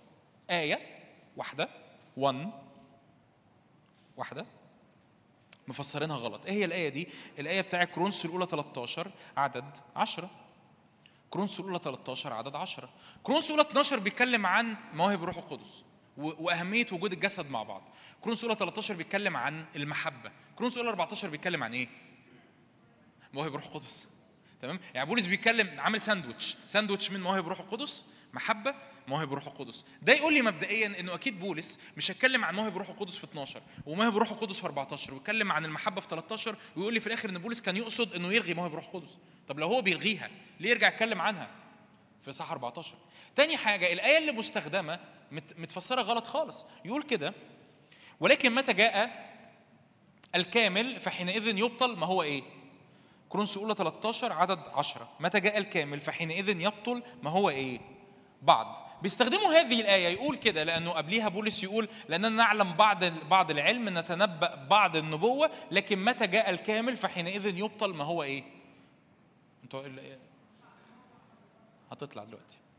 أيوه. متى جاء؟ عشرة. متى جاء الكامل؟ فحينئذ إيه؟ يبطل ما هو إيه؟ بعض. يعني لما لما يجي الكامل ده اللي إحنا مش عارفين لسه هو مين البعض الحاجات اللي لسه مش كاملة زي النبوة والألسنة والعلم هيحصل لها إيه؟ هتبطل فهؤلاء المفسرين يقولوا لك أهو يا عم أدي آية بتقول إن مواهب الروح القدس هتقف ليه؟ لأن لأن لأن الآية دي بتقول بتتكلم إن لما الكتاب المقدس يكتمل اللي هو الكامل البعض هي إيه؟ هيبطل. والحقيقة ده تفسير خاطئ جدا. ليه ده تفسير خاطئ جدا؟ لكذا سبب. إن نفس الناس دول اللي بيقولوا لنا التفسير ده هم اللي بيعلمونا إن في حاجة اسمها مبادئ للتفسير. من أهم مبادئ التفسير إني عشان أفهم أي آية كتابية أو أي نص كتابي أنا محتاج أحط نفسي مكان حاجة اسمها المستمع الأول. الإيه؟ حلو. مين هو المستمع الأول؟ يعني أول شخص قرا الرسالة. مين أول ناس قروا رساله كورنثوس الأولى. مين اللي كتب كورنثوس؟ معلش بس ناخد اخدكم واحدة واحدة. حلو. بولس كتب رسالة كورنثوس الأولى. بعتها لمين؟ لكنيسة إيه؟ حلو. هل كنيسة كورنثوس كان عندهم علم إن هيبقى في حاجة اسمها كتاب مقدس؟ لا. هتقول لي يعني لو أنت مش عارف يعني بس الكتاب المقدس ده اتجمع العهد الجديد ده اتجمع بالصورة اللي عندنا دلوقتي سنة 300 ميلادية. 300 ميلادية. كنيسة كورنثوس مكتوب رسالة كورنثوس تقريبا مكتوبة سنة من 50 لسنة 60 ميلادية. يعني مكتوبة قبل 240 سنة من إن الكتاب العهد الجديد يتجمع. تمام؟ يعني قبل ما المجامع الكنسية تجتمع ويقولوا يا جماعة عندنا حاجة اسمها قائمة الأسفار القانونية العهد الجديد اللي فيه اللي فيه متى ويوحنا ولوقا ومش عارف والرسائل بولس الكلام ده حصل في ال 300 تمام؟ طب بولس كتب رسالة كورنثوس الأولى إمتى؟ 50 أو 60 ميلادية يعني قبلها ب 240 سنة. أهل كورنثوس كانوا عارفين إنه هيبقى في حاجة اسمها عهد جديد متجمع مش عارفين. عايز أقول لك إن بولس نفسه ما كانش عارف.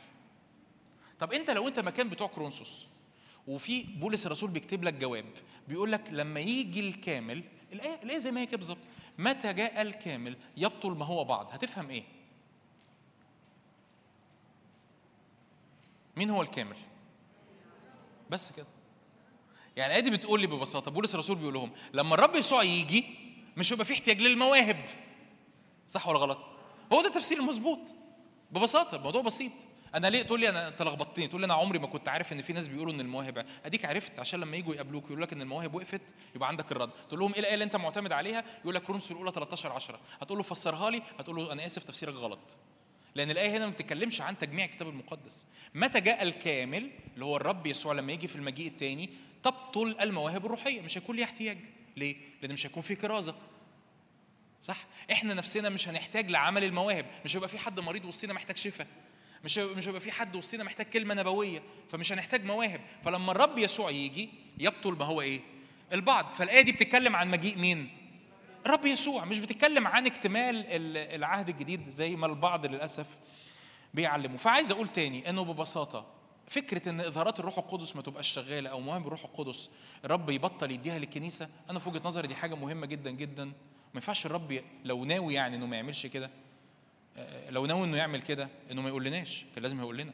وعلى فكرة أكيد أكيد الرب ما بطلش والدليل اللي هيحصل كمان شوية مع بعضينا في في التعليم وفي وفي التفعيل. تاني حاجة. إظهارات الروح تاني مبدأ. إظهارات الروح هي أدوات للعمل وليس ميداليات شرفية. إظهارات الروح القدس هي المبادئ دي مهمة جدا لأنه هتحطنا في في يعني في ذهنية مظبوطة وإحنا بنتعامل مع اللي بيحصل. إظهارات الروح القدس هي أدوات للعمل وليست ميداليات شرفية. أنا ربنا مش بيديني ميدالية أفتخر بيها. آه أنا ما عندي شفاء. أنا عندي كلام علم أنا أنا راجل نبوي ممسوح أنا أنا عندي تمييز أنا خلي بالك مني أنا عندي تمييز أرواح هميزك وهشوفك وهعرفك و... إيه هو ده؟ مواهب الروح القدس هي أدوات تشتغل بيها لامتداد ملكوت الله مش حاجة تفتخر بيها.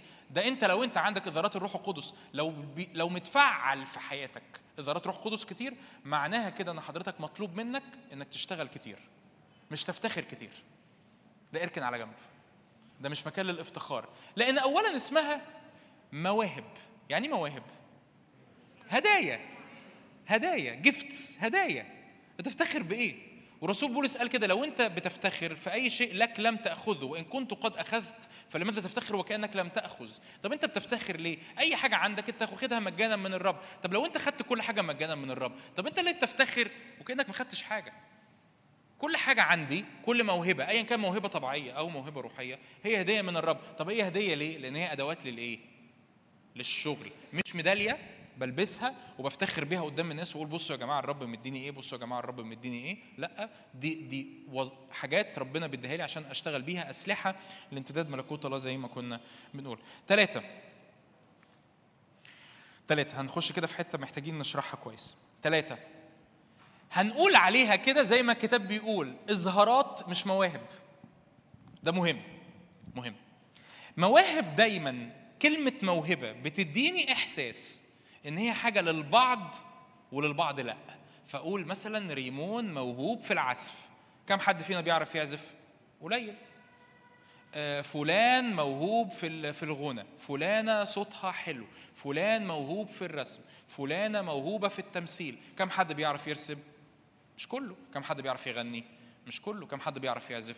مش كله. طب إيه الفرق ما بين كلمة موهبة وما بين كلمة اظهارات هتقول لي طب ما هو الكتاب قال عنها موهبة. آه الكتاب قال عنها موهبة. بس إحنا بنترجم إحنا بنترجم موهبة غلط. بنترجم أول ما نسمع كلمة موهبة نحس إن هي لن- لناس آه وناس إيه؟ لأ لأنها إيه؟ موهبة. ففلان ده عنده موهبة شيف. آه بس أنا مش موهوب. لا القصة مش كده القصة برضو إن الرب سماها إظهارات يعني إيه إظهار إظهار ببساطة الكتاب بيقول في عدد سبعة يعطي يعطى إظهار الروح للمنفعة وقال كده يعطى آه، لواحد لواحد إظهار آه، لآخر كلام حكمة والآخر كلام علم والآخر مواهب شفاء والآخر عمل قوات والآخر كذا كذا كذا لكنها كلها قال دي اسمها إيه؟ إظهار الإيه؟ يعني إيه إظهار؟ حاجة مستخبية وبتبان مين اللي مستخبي؟ الروح. هو يعطي إظهار الإيه؟ الروح. فالروح القدس فيا. الروح القدس فيا أنا بس. في حضرتك وفي حضرتك وفي حضرتك. الروح القدس فينا كلنا. تمام؟ ويعطي الروح القدس إنه يظهر فينا من خلال إظهارات مختلفة.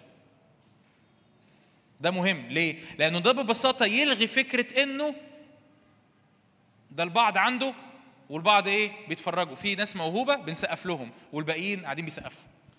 ملناش دعوة يا عم. دول ناس عندهم مواهب الروح وده اتصدر كتير زي ما الكنائس التقليدية. فيها تعليم خاطئة. برضو الكنائس المنفتحة على الروح القدس فيها تعليم خاطئة. اتصدر كتير في الكنائس المنفتحة على الروح القدس. فلان الممسوح. الخادم الممسوح. الخادم اللي مفيش زيه. ده هو ده هو ده ده ده ده ده ماله ده؟ ده بنتفرج عليه من بعيد. ده بيصلي لنا بوضع اليد. ده بيقول لنا الكلمات النبوية. وإحنا إحنا الشعب. إحنا الغلابة. إحنا جايين إحنا جايين نسقف بعد ما ما, ما نسقف له. بعد ما يدي الكلمة النبوية المتينة نقول له هللويا مجدا للرب أنت الخادم الممسوح. أنت بيقول لكل إيه؟ لكل إيه؟ واحد يعطى إظهار الروح للمنفعة. ده ده يدخلني في المبدأ الرابع. إن كل الإظهارات للجميع وهنا بقى لنا وقفه ومحتاجة شرح. كل الإظهارات للجميع. في آية عكس اللي أنا بقوله ده بس أنا هفصص لك الآية دلوقتي. الآية دي بتقول إيه؟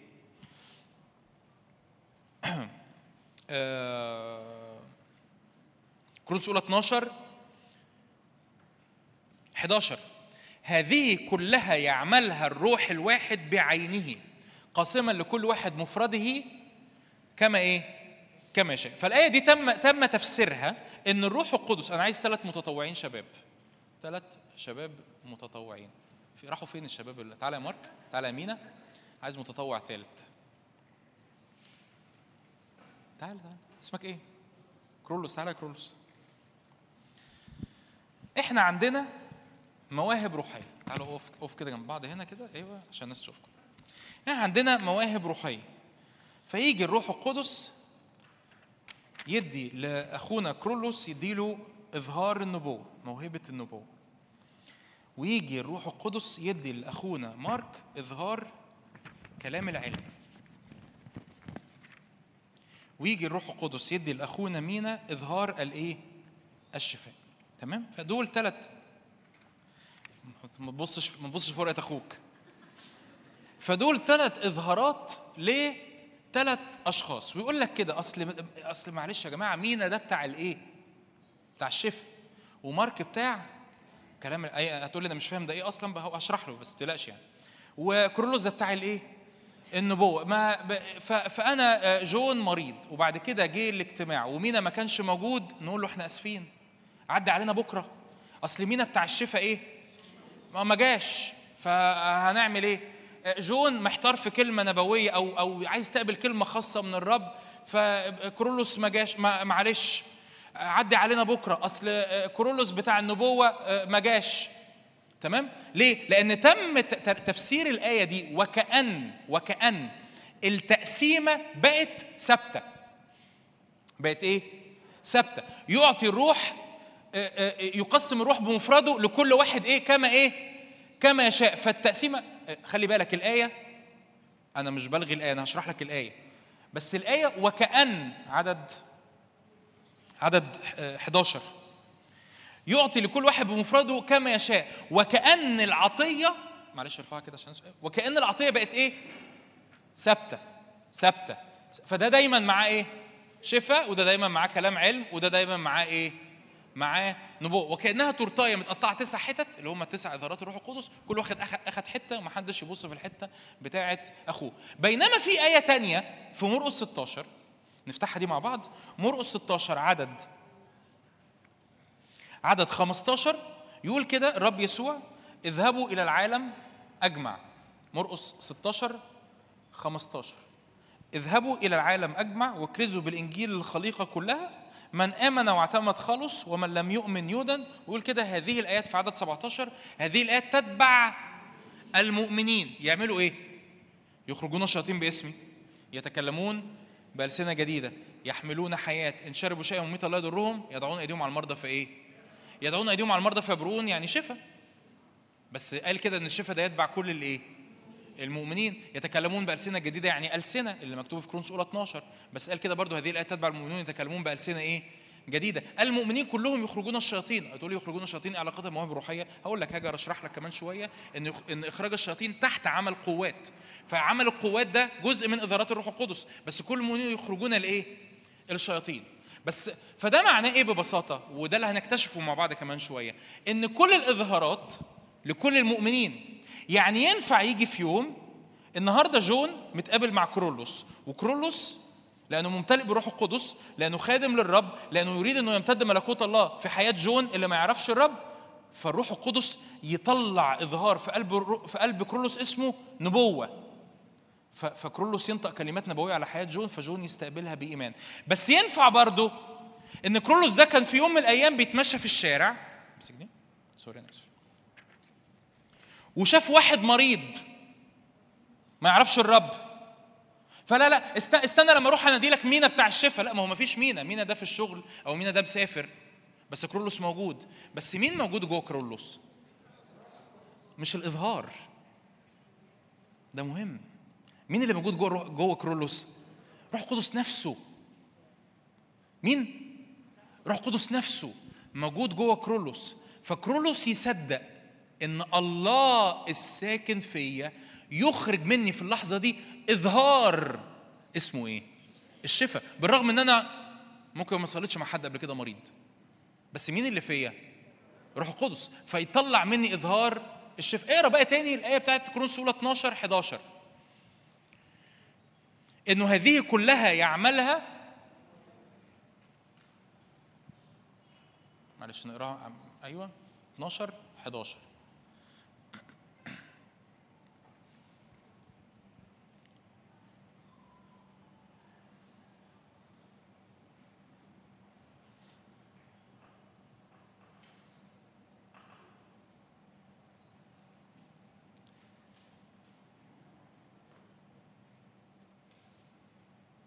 11 أيوه.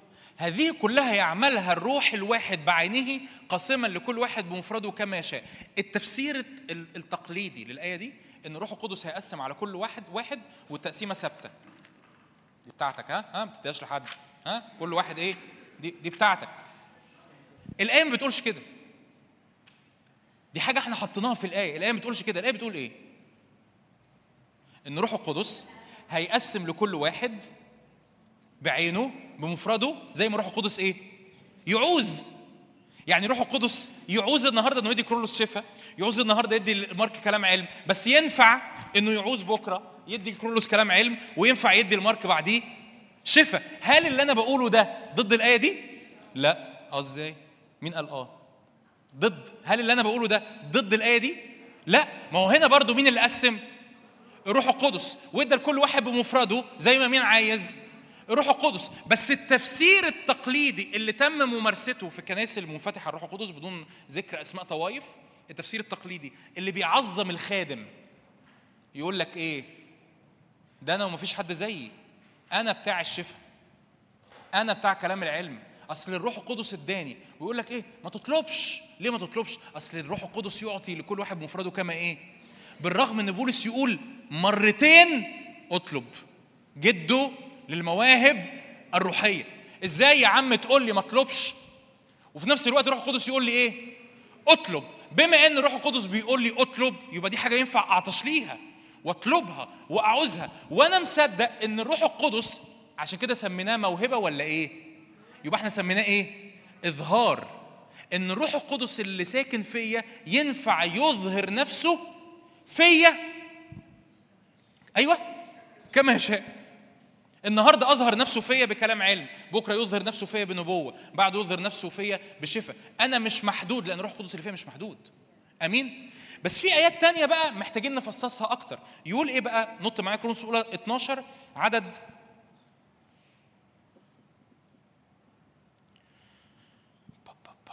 عدد 29 يقول ألعل الجميع رسل ألعل الجميع أنبياء ألعل الجميع معلمون ألعل الجميع أصحاب قوات ألعل للجميع مواهب الشفاء ألعل الجميع يتكلمون وكأنه بولس بيلغي بالظبط اللي أنا كنت بقوله دلوقتي.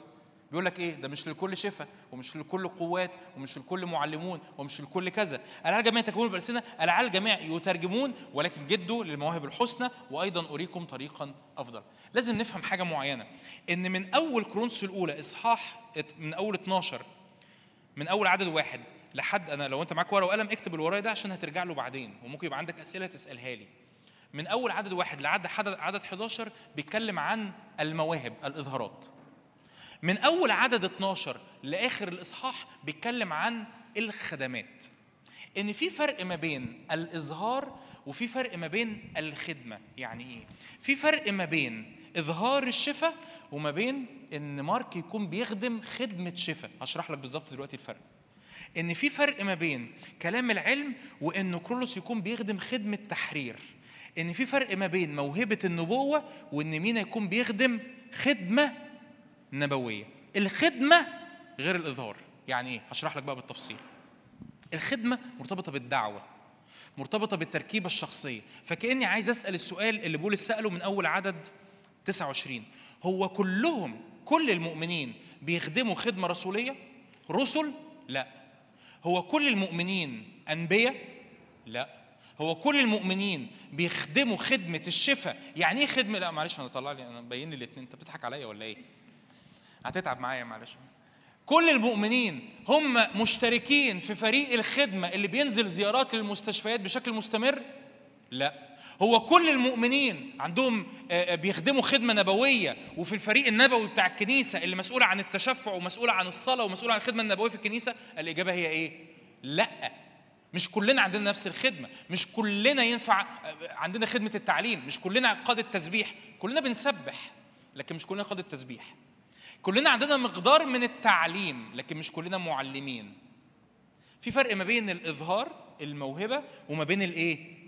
الخدمة. الخدمة ثابتة. الخدمة في واحد بيخدم خدمة كذا واحد بيخدم خدمة كذا واحد بيخدم خدمة كذا وكلنا كجسد بنكمل بعض. إيه اللي ينفع يتبدل؟ ده بقى اللي محتاج يثبت. الإظهار. ينفع نروح مبدلين؟ الإظهارات. لكن الخدمات تتبدلش. لأن دي ده دعوة الرب ده تشكيل الرب دي السكة اللي مشيها معايا يعني ينفع يكون كرولوس في يوم من الأيام لأنه بيخدم خدمة تحرير يجي له واحد مقيد فيروح الروح القدس مطلع جواه كلام علم فيقول له على فكرة أنت في في حياتك خطية محتاج تتوب عنها عشان تتحرر وبعد ما الشخص يتحرر يصلي له لأجل شفائه لأن جسده كان مريض ويخف صح؟ لأنه بيخدم خدمة إيه؟ تحرير فالإظهارات اللي هو محتاجها في اللحظة دي وهو بيصلي خدمة التحرير هتطلع تطلع ليه؟ روح القدس فين؟ جواه ينفع مارك وهو بيخدم خدمة شفاء يبقى واقف على المنبر وبيصلي مع الناس فيقول يا جماعة في حد هنا موجود وسطينا عنده صداع دي كلمة إيه؟ كلمة علم ولما هذا الشخص يرفع إيده بكل بكلمة العلم يروح مصلي له بموهبة الشفاء ويخف لأنه بيخدم خدمة إيه؟ شفاء فالإظهارات هنا بتطلع في كل واحد وروح القدس يعطي لكل واحد بمفرده كما إيه؟ كما يشاء. فلازم نحط الفرق ده إن في فرق ما بين الإظهار وما بين الإيه؟ الخدمة. في واحد نبي. خدمته شكرا يا. ممكن نسقف لهم؟ اشكرهم عايز الموهبة؟ هات يا ابني. ففي في فرق ما بين إن في واحد نبي. الكتاب بيقول لك كده كان في واحد اسمه أغابوس في العهد الجديد. اسمه أغابوس. ده كان شغلته إيه في الكنيسة؟ نبي. شغلته إيه في الكنيسة؟ نبي. لكن بولس يقول بالرغم إن في واحد شغلته كده دي خدمته كده تفتكر النبي ده إيه المواهب اللي هتشتغل في حياته؟ كلام علم في الغالب كلام حكمة ونبوة. ممكن يشتغل معاه شوية حاجات تانية زي شفاء ممكن لأنه دي إظهارات الروح القدس المتنوعة. فكل إظهارات شغالة في حياته. لكن شغلته إيه؟ شغلته على المدفع إيه؟ نبي. لكن بالرغم إن في واحد شغال نبي لكن بولس الرسول يقول كده في كرونسوس الأولى 14 عدد 31 14 31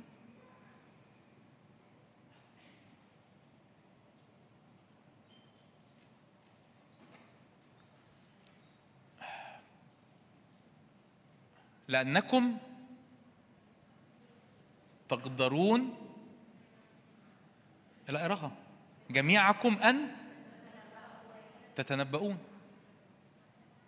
إزاي يا بولس بتقول تقدرون جميعكم أن تتنب- تتنبؤون بالرغم إن أنت قلت لعل الجميع أنبياء؟ آه. ما هي الآية بتقول كلنا فينا الروح القدس وينفع إظهار النبوة يظهر من خلال إيه؟ أي حد فينا. لكن مش معنى كده إن كلنا أنبياء.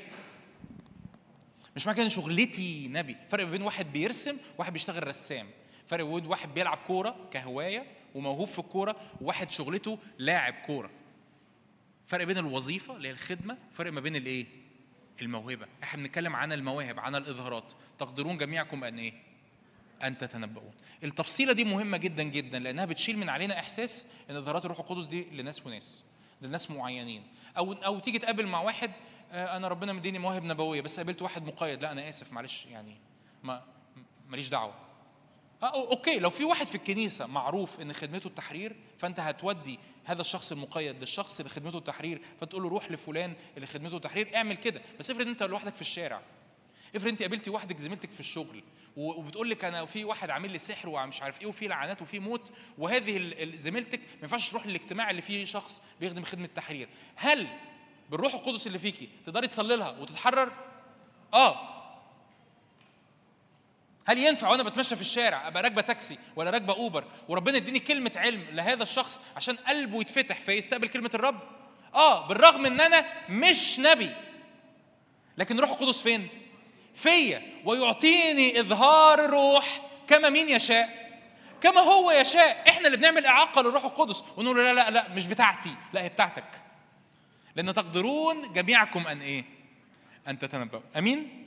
واضحة لحد دلوقتي؟ آمين. المبدأ الخامس. ماشي. المبدأ الخامس. وكأن في خناقة ما بين المحبة والمواهب. تقول لي بولس قال في كورنثوس اولى 13 واريكم أيضا اريكم طريقا إيه؟ أفضل. مفيش خناقة بين المحبة والمواهب. الخناقة دي مش موجودة. بولس الرسول زي ما قلت لك في إصحاح 12 بيتكلم عن المواهب الروحية. إصحاح 14 بيتكلم عن إيه برضو؟ عن المواهب الروحية. إصحاح 13 يتكلم عن الإيه؟ عن المحبة. يقول لي كده يا جون لو انت عايز تمارس المواهب الروحية لازم تمارسها بإيه؟ بمحبة. انت الروح القدس يعطى لكل واحد إظهار الروح للمنفعة. انت هدفك إنك بتخرج بره نفسك لخدمة إخواتك لخدمة الناس المتألمة مش لهدف ال- العنطزة أو الفشخرة أو لهدف إن انت بتخدم الناس. فأنت بتخدم الناس يبقى لازم خارج من قلبك محبة. وبعدين في دليل قوي جدا وواضح جدا. كرونس لو معاك كتابك المقدس افتح معاك كتابك المقدس عشان بقلب الآيات بسرعة أو موبايلك أو كده. 12 عدد 31 12 31 جدوا للمواهب الحسنى وأيضا أريكم طريقا أفضل. 14 عدد واحد اتبعوا المحبة ولكن جدوا للمواهب الروحية. وبالأولى أن تتنبأوا. 14 عدد 39 اذا أيها الإخوة جدوا للتنبؤ. لا تمنعوا التكلم بألسنة وليكن كل شيء بلياقه وبحسب ترتيب يعني بولس الرسول يقول إيه؟ يا جماعة جدوا المواهب الروحية بس الطريق هو المحبة. وعايز أقول لكم تاني جدوا المواهب الحسنى. ويختم اصحاح 14 لا تمنعوا التكلم بألسنة. وجدوا للتنبؤ. يعني في الآخر بعد ده كله أقدر أقول إن بولس الرسول بيقول المحبة أهم من المواهب أو أو اهتم بالمحبة. وانسى المواهب. ده ثلاث مرات ثلاث مرات يقول لي اهتم بالإيه؟ بالمواهب واطلب المواهب وجد المواهب. الله يعني المحبة مش مهمة. لا المحبة مهمة. لأن لازم المواهب دي تمارس بإيه؟ بمحبة. لأن هي أصلا لمنفعة الآخرين هي لمنفعة الناس اللي أنا بخدمهم لمنفعة جسد المسيح لمنفعة غير المؤمنين اللي يظهر الروح القدس في حياتهم في حياة في حياتهم نفسه بقوة. ستة وأخيرا استقبال استقبال إظهارات الروح القدس هو بالإيمان. أنا بتعامل مع الروح القدس بالإيمان. يعني إيه؟ يعني مش عشان نقول هنعمل اكتيفيشن هنعمل تفعيل لشوية مواهب كده في الاجتماع بالليل. انت مش بتحس بحاجة. مش لازم تحس بحاجة. البعض بيحس والبعض ما بيحسش. آه آه، أنا حاسس دلوقتي إن إيدي كده في فيها طاقة للشفاء. لا م... وأنت بتتمشى في الشارع وأنت بتتمشى في الشارع وأنت بتكرز لغير المؤمنين وجاي قدامك واحد غير مسيحي محتاج شفاء أنت مش هتبقى حاسس بأي حاجة. أنت على العكس أنت ممكن تبقى حاسس إن أنت عايز تم- تمشي وتسيبه. ممكن تحس إن الموضوع كبير ممكن تحس إنه يا رب أبعت حد غيري ممكن تحس إن أنا ماليش دعوة. أنت ممكن تحس بكل الأحاسيس دي. غالبا غالبا مش بلغي إن ممكن الرب يشعرك بحاجة معينة في لحظتها ممكن ده يحصل بس غالبا مش هتبقى حاسس بأي حاجة. أمال أنت محتاج تصدق بالإيمان. مفيش مفيش حاجة يا جماعة في حياتنا المسيحية عمل الإيمان هيتلغي فيها. يعني مفيش حاجة هتحس إن هي كده إيه لا دايما حاسس ودايما شايف ده ده بولس يا جدع ده بدون إيمان لا يمكن ارضائه انت بالايمان بتصدق ان الروح القدس فيك وبالايمان بتصدق ان الروح القدس يقدر يشفي الشخص المريض أو يقدر يدي كلمة نبوية لشخص محتاج كلمة نبوية أو يقدر يحرر شخص مقيد بروح شرير من روح شرير المقيد. ده بالايمان. طول الوقت اظهارات الروح القدس بيتم تفعيلها بالإيه؟ بالايمان. انت بتصدق إن الروح القدس فيا بتصدق إن المواهب ليك بتصدق إن اظهارات الروح القدس ينفع تشتغل فيك فأنت بتتحرك بإيمان وبترى الروح القدس بيشتغل في حياة الناس. آمين. نشرح حبة ربع ساعة كمان تستحملوا معايا ربع ساعة كمان في ناس بتقول ما- مش مستحملين هنقسم هنقسم اظهارات الروح القدس لثلاث تقسيمات ثلاث ثلاثات هقول هتقول لي ليه؟ أنا أقول لك لل- لل- للتسهيل يعني لتسهيل الحفظ ولتسهيل إن ال- التعليم يثبت يعني. هنقسمهم ثلاث ثلاثات. أول أول قائمة هنحط تحتيها حاجة اسمها مواهب الإعلان أو إظهارات الإعلان. القائمة الثانية إظهارات النطق يعني حاجات لازم تنطقها، القائمة الثالثة إظهارات القوة، حاجات بتبين قوة الله. لو أنت معاك ورقة وقلم يعني اكتبهم كده تحت بعض، إظهارات الإعلان هنحط تحتيها كلام العلم وكلام الحكمة وتمييز الأرواح. إظهارات النطق هنحط تحتها الألسنة وترجمة الألسنة والنبو- والنبوة إظهارات القوة هنحط تحتها الإيمان والشفاء وعمل القوات تمام؟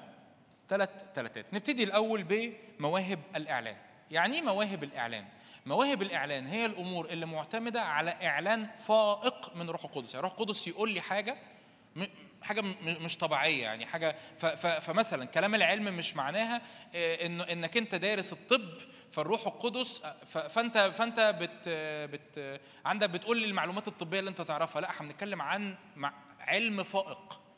إن حضرتك في الحكمة مش حضرتك كدارس business فعندك أفكار كويسة من ال business من اللي أنت درستها. لا مش بنتكلم على كده. بنتكلم على حكمة فائقة حكمة مش طبيعية. حكمة عندك بطريقة مش طبيعية. هل ينفع نحط مواهب النطق مع مواهب الإعلان ونسميهم كلهم مواهب الإعلان؟ يعني نحط الألسنة وترجمة الألسنة والنبوة تحت مواهب الإعلان؟ ينفع. مفيش مشكلة ينفع. بس إحنا ليه مقسمينهم كده؟ عشان يبقوا ثلاث ثلاثات مش أكتر يعني. عشان شفت أنا بقول لك الحقيقة. عشان لم عشان بس تفهم إن هم متقسمين تقسيمة معينة لأنه أكيد لو في حاجة بنطقها من الروح القدس فهي الأول محتاجة إيه؟ إعلان من الروح القدس بس خلونا دلوقتي في مواهب الإعلان الو- الوعد أعمال 2 17 أعمال 2 17 يكون في الأيام الأخيرة إني اسكب من روحي على كل إيه؟ بشر ف يتنبأ بنوكم وبناتكم يحلم شيوخكم أحلاما ويرى شبابكم رؤى على عبيدي أيضا وعلى الاماء اسكب من روحي في تلك الأيام فيتنبؤون. فالوعد من أول سفر أعمال إصحاح اثنين إن أول دليل أو أول عمل قوي للروح القدس في حياة المؤمن إنه يسمع صوت الرب. إنه يعمل إيه؟ هحكي بالتفصيل في الاجتماع بالليل. إنه يسمع صوت الرب. ده من حقك كمؤمن. ده من حقك كمؤمن إنه يرى الشباب رؤى ويحلم الشيوخ أحلام وعلى العبيد أيضا وعلى الإماء يتنبؤون. سماع صوت الله دي مش حاجة صعبة مش حاجة بعيدة مش حاجة عجيبة. أنا الاجتماعين دول ده واللي جاي بتكلم بس عن التعريفات. بالليل هنخش أكتر في المواهب النبوية. كلام الحكمة. خدهم بالترتيب كده. ما هو كلام الحكمة؟ يعني إيه كلام الحكمة؟ كلام الحكمة هو إن الروح القدس يديك حكمة فوق طبيعية في موقف محدد. خلي بالك عشان في ناس كتير بتلخبطوا إيه الفرق ما بين كلام العلم وكلام الحكمة والنبوة كمثال. كلام الحكمة هو إن الروح القدس يعطيك حكمة فوق إيه؟ طبيعية. في موقف إيه؟ محدد. فكلام الحكمة مش إنك تقول لواحد آه، آه، إن إن أنت مدعو للخدمة. دي مش كلام حكمة. كلام الحكمة مش إنك تقول لواحد زي ما الرب قال للسامرية إنه أنت كان ليكي خمس أزواج. لا ده كلام علم. فكلام الحكمة مرتبط بحكمة فوق طبيعية للتصرف في موقف إيه؟ محدد. أنا هحاول إن كل الأمثلة اللي اقولها تكون أمثلة كتابية وبعيدة عن الرب يسوع. تقول لي ليه بعيد عن الرب يسوع؟ عشان ما ترجعش تقول لي أصل ده الرب يسوع. تمام؟ فدايما بننزل ف- فهنحكي عن الرسل وعن خدمة الرسل. من أشهر الأمثلة اللي بتتكلم عن كلام الحكمة في الكتاب المقدس هو بولس لما كان في السفينة في أعمال 27 القصة دي محتاجين نبص عليها بعمق عشان نفهم إن اللي حصل ما كانش طبيعي. بولس مسجون. إيه هي شغلانة بولس الأساسية؟ معلم لليهود وخيام. ما كانش صياد. مين عندنا صيادين في الكتاب المقدس؟ بطرس وأندراوس ويوحنا ويعقوب دول صيادين دول بحارة. بولس ما كانش واحد منهم. بولس كان في السفينة معاه كذا واحد بيفهموا كويس قوي في البحر. معاه قائد المئة معاه ربان السفينة يعني الكابتن بتاع السفينة ومعاه صاحب السفينة ومعاه مراكبيه كل دول بيفهموا في البحر أكتر منه. دي القصة اللي أنت بتقراها وبتعدي عليك بسهولة بس هي لازم تتوقف عندها كل دول بيفهموا في البحر أكتر من بولس. بولس يطلع كده زي البتاع يقول لهم إني أرى أن هذا السفر هو عتيد أن يأتي بال- بالسفينة إلى خسارة. أنا شايف إن إحنا المفروض ما نسافرش في الوقت ده. فالناس يقولوا له يعني ففي الآخر قائد المئة يختار يسمع كلام مين؟ ما يسمعش كلام بولس يسمع كلام البحار قائد السفينة ويسمع كلام صاحب السفينة ويسمع يسمع كلام كل البحاره ليه؟ لأن دول بحسب الحكمة الطبيعية.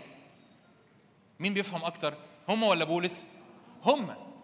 اذا ده يقول لي إن رأي بولس إن هم المفروض ما يسافروش ما كانش حكمة طبيعية. تمام؟ ده يقول لي ببساطة ده ده ما ده ما يقوليش إن أنا إن أنا محتاج أتجاهل الحكمة الطبيعية. مش هتجاهل الحكمة الطبيعية. الحكمة الطبيعية مهمة. لكن لا لكن ده يديني يفتح ذهني إنه في مجال أعلى للحكمة أعلى من الحكمة الطبيعية. إن ينفع الرب يديني يعني ينفع نبقى بنصلي. وأعتقد إنك كتير مننا اختبر ال- الأمور دي في حاجات مختلفة في حياته. تكون بتصلي أو تكون رايح تشتري حاجة كبيرة حاجة غالية شقة مثلا أو عربية أو حاجة تدفع فيها فلوس كتير أو داخل على قرار جواز أو داخل على قرار شغل حاجات من القرارات المهمة. وكل حاجة بحسب الطبيعي تبان إن هي صح تبان إن هي مظبوطة. بس أنت واقف قدام الرب وتشعر إن الخطوة دي أنا مش المفروض أخدها. ده اسمه إيه؟ اسمه إيه؟ كلام حكمة. إن حد يشاركك الصلاة ويقول لك صلي معايا يا أخت فلانة صلي معايا يا أخ فلان وكل حاجة بحسب العيان تشعر إن هي مظبوطة. تبان إن هي كويسة تبان إن هي صح تبان إن هي المفروض تاخد الخطوة. لكن أنت شاعر إنه الخطوة دي مش المفروض إن هي تتاخد. أو العكس أو كل حاجة بحسب العيان تبان إن هي مش مظبوطة. بس أنت شاعر إنه الحكمة الإلهية بتقول إن أنا المفروض أتحرك في الأمر ده. ده اسمه كلام إيه؟ ده ما اسموش نبوة ده اسمه إيه؟ كلام إيه؟ حكمة. لأن الحكمة هو حكمة فوق طبيعية. ليه بنقول فوق طبيعية؟ لأن هنا بولس ما كانش بحار. بولس بحسب الطبيعي ما بيفهمش في البحر أكتر من الناس دول. بحسب الطبيعي ما عندوش الحكمة دي. هم عندهم حكمة أعلى. لكن كلام الحكمة يعطيني حكمة فائقة للطبيعة للتصرف في موقف إيه؟ محدد. فده كلام الحكمة. كلام الحكمة لمين فينا؟ آه ده انت اختبار وإيه هتنجحوا نجحتوا فيه ولا فشلتوا فيه؟ كلام الحكمة لمين فينا؟ ها؟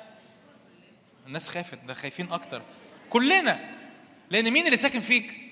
روح القدس. فكلنا ينفع ربنا يدينا حكمة فائقة للطبيعة في مواقف محددة وينفع ربنا يستخدمني في حياة ولادي في حياة ناس بخدمهم في حياة ناس آه، معاهم شركائي في الخدمة في حياة عيلتي إن الرب يطلع من لساني كلمات حكمة تقودهم في مواقف محددة والحكمة دي أعلى من الحكمة الطبيعية بتاعتي. تمام؟ تاني إظهار هو إظهار كلام العلم. إيه هو بقى كلام العلم؟ كلام العلم هو معرفة برضو فائقة للطبيعة أكيد بس في حاجات حاصلة بالفعل في حياة الناس. فكلام الحكمة هو قرار. موقف معين حاجة معينة أنا محتاج فيها حكمة أتصرف إزاي. كلام العلم هو إعلان فائق لحاجة بالفعل حاصلة. يعني اسم عنوان حاجة شخصية في حياة الناس. زي مين القصة المشهورة اللي قلتها كذا مرة؟ الرب يسوع مع مين؟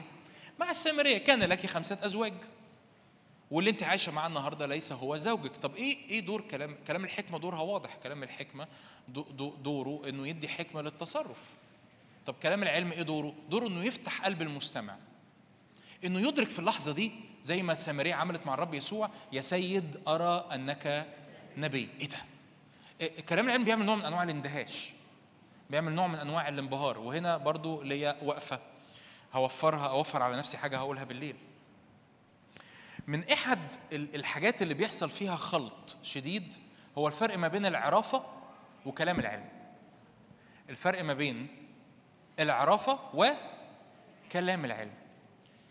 في التطبيق العام يعني في التعريف إيه الفرق ما بين العرافة وما بين الكلام العلم؟ مفيش فرق. يعني العراف هيقول لي برضو حاجة حاصلة في حياتي ح- حاجة حاجة في حياتي هو المفروض ما يعرفهاش بشكل طبيعي. فعراف يقابل واحد زي ما جارية اللي كان بها روح عرافة في أعمال 16 هؤلاء هم عبيد الله العلي الذين ينادون لكم بطريق الإيه؟ طب هي الجارية بتاعت فيليب دي تعرفهم؟ ما تعرفهمش. آه، تعرف السكة الشخصية بتاعت بولس وسيله ما تعرفهمش. طب هي بتقول كلام مظبوط ولا لأ؟ ها مع- ف- معلش معايا بتوع اسكندرية عشان عارف الحاجات اللي إيه اللي بتسمعوها والحاجات اللي بتحصل والحاجات اللي بتخافوا منها والحاجات ها؟ بتقول كلام مظبوط ولا لأ؟ مظبوط. أمال بولس عارف منين إن ده روح عرافة؟ تقول لي العراف يقول كلام مظبوط؟ أقول لك آه. آه. العراف يقول كلام مظبوط؟ آه. آه العراف ليه؟ لأن العراف الروح العرافه معتمد على الاندهاش. معتمد روح العرافه معتمد إنه آه، أنت فلانة الفلانية ورقم تليفونك كذا وعنوانك كذا وبتقبضي كذا ورقم حسابك في البنك كذا. تك تك تك تك تك. أنت يحصل إيه ده؟ واو. ال... دي بتفتحني أنا على روح العرافه فروح العرافة ياخد فيا أنا سيادة. يربطني.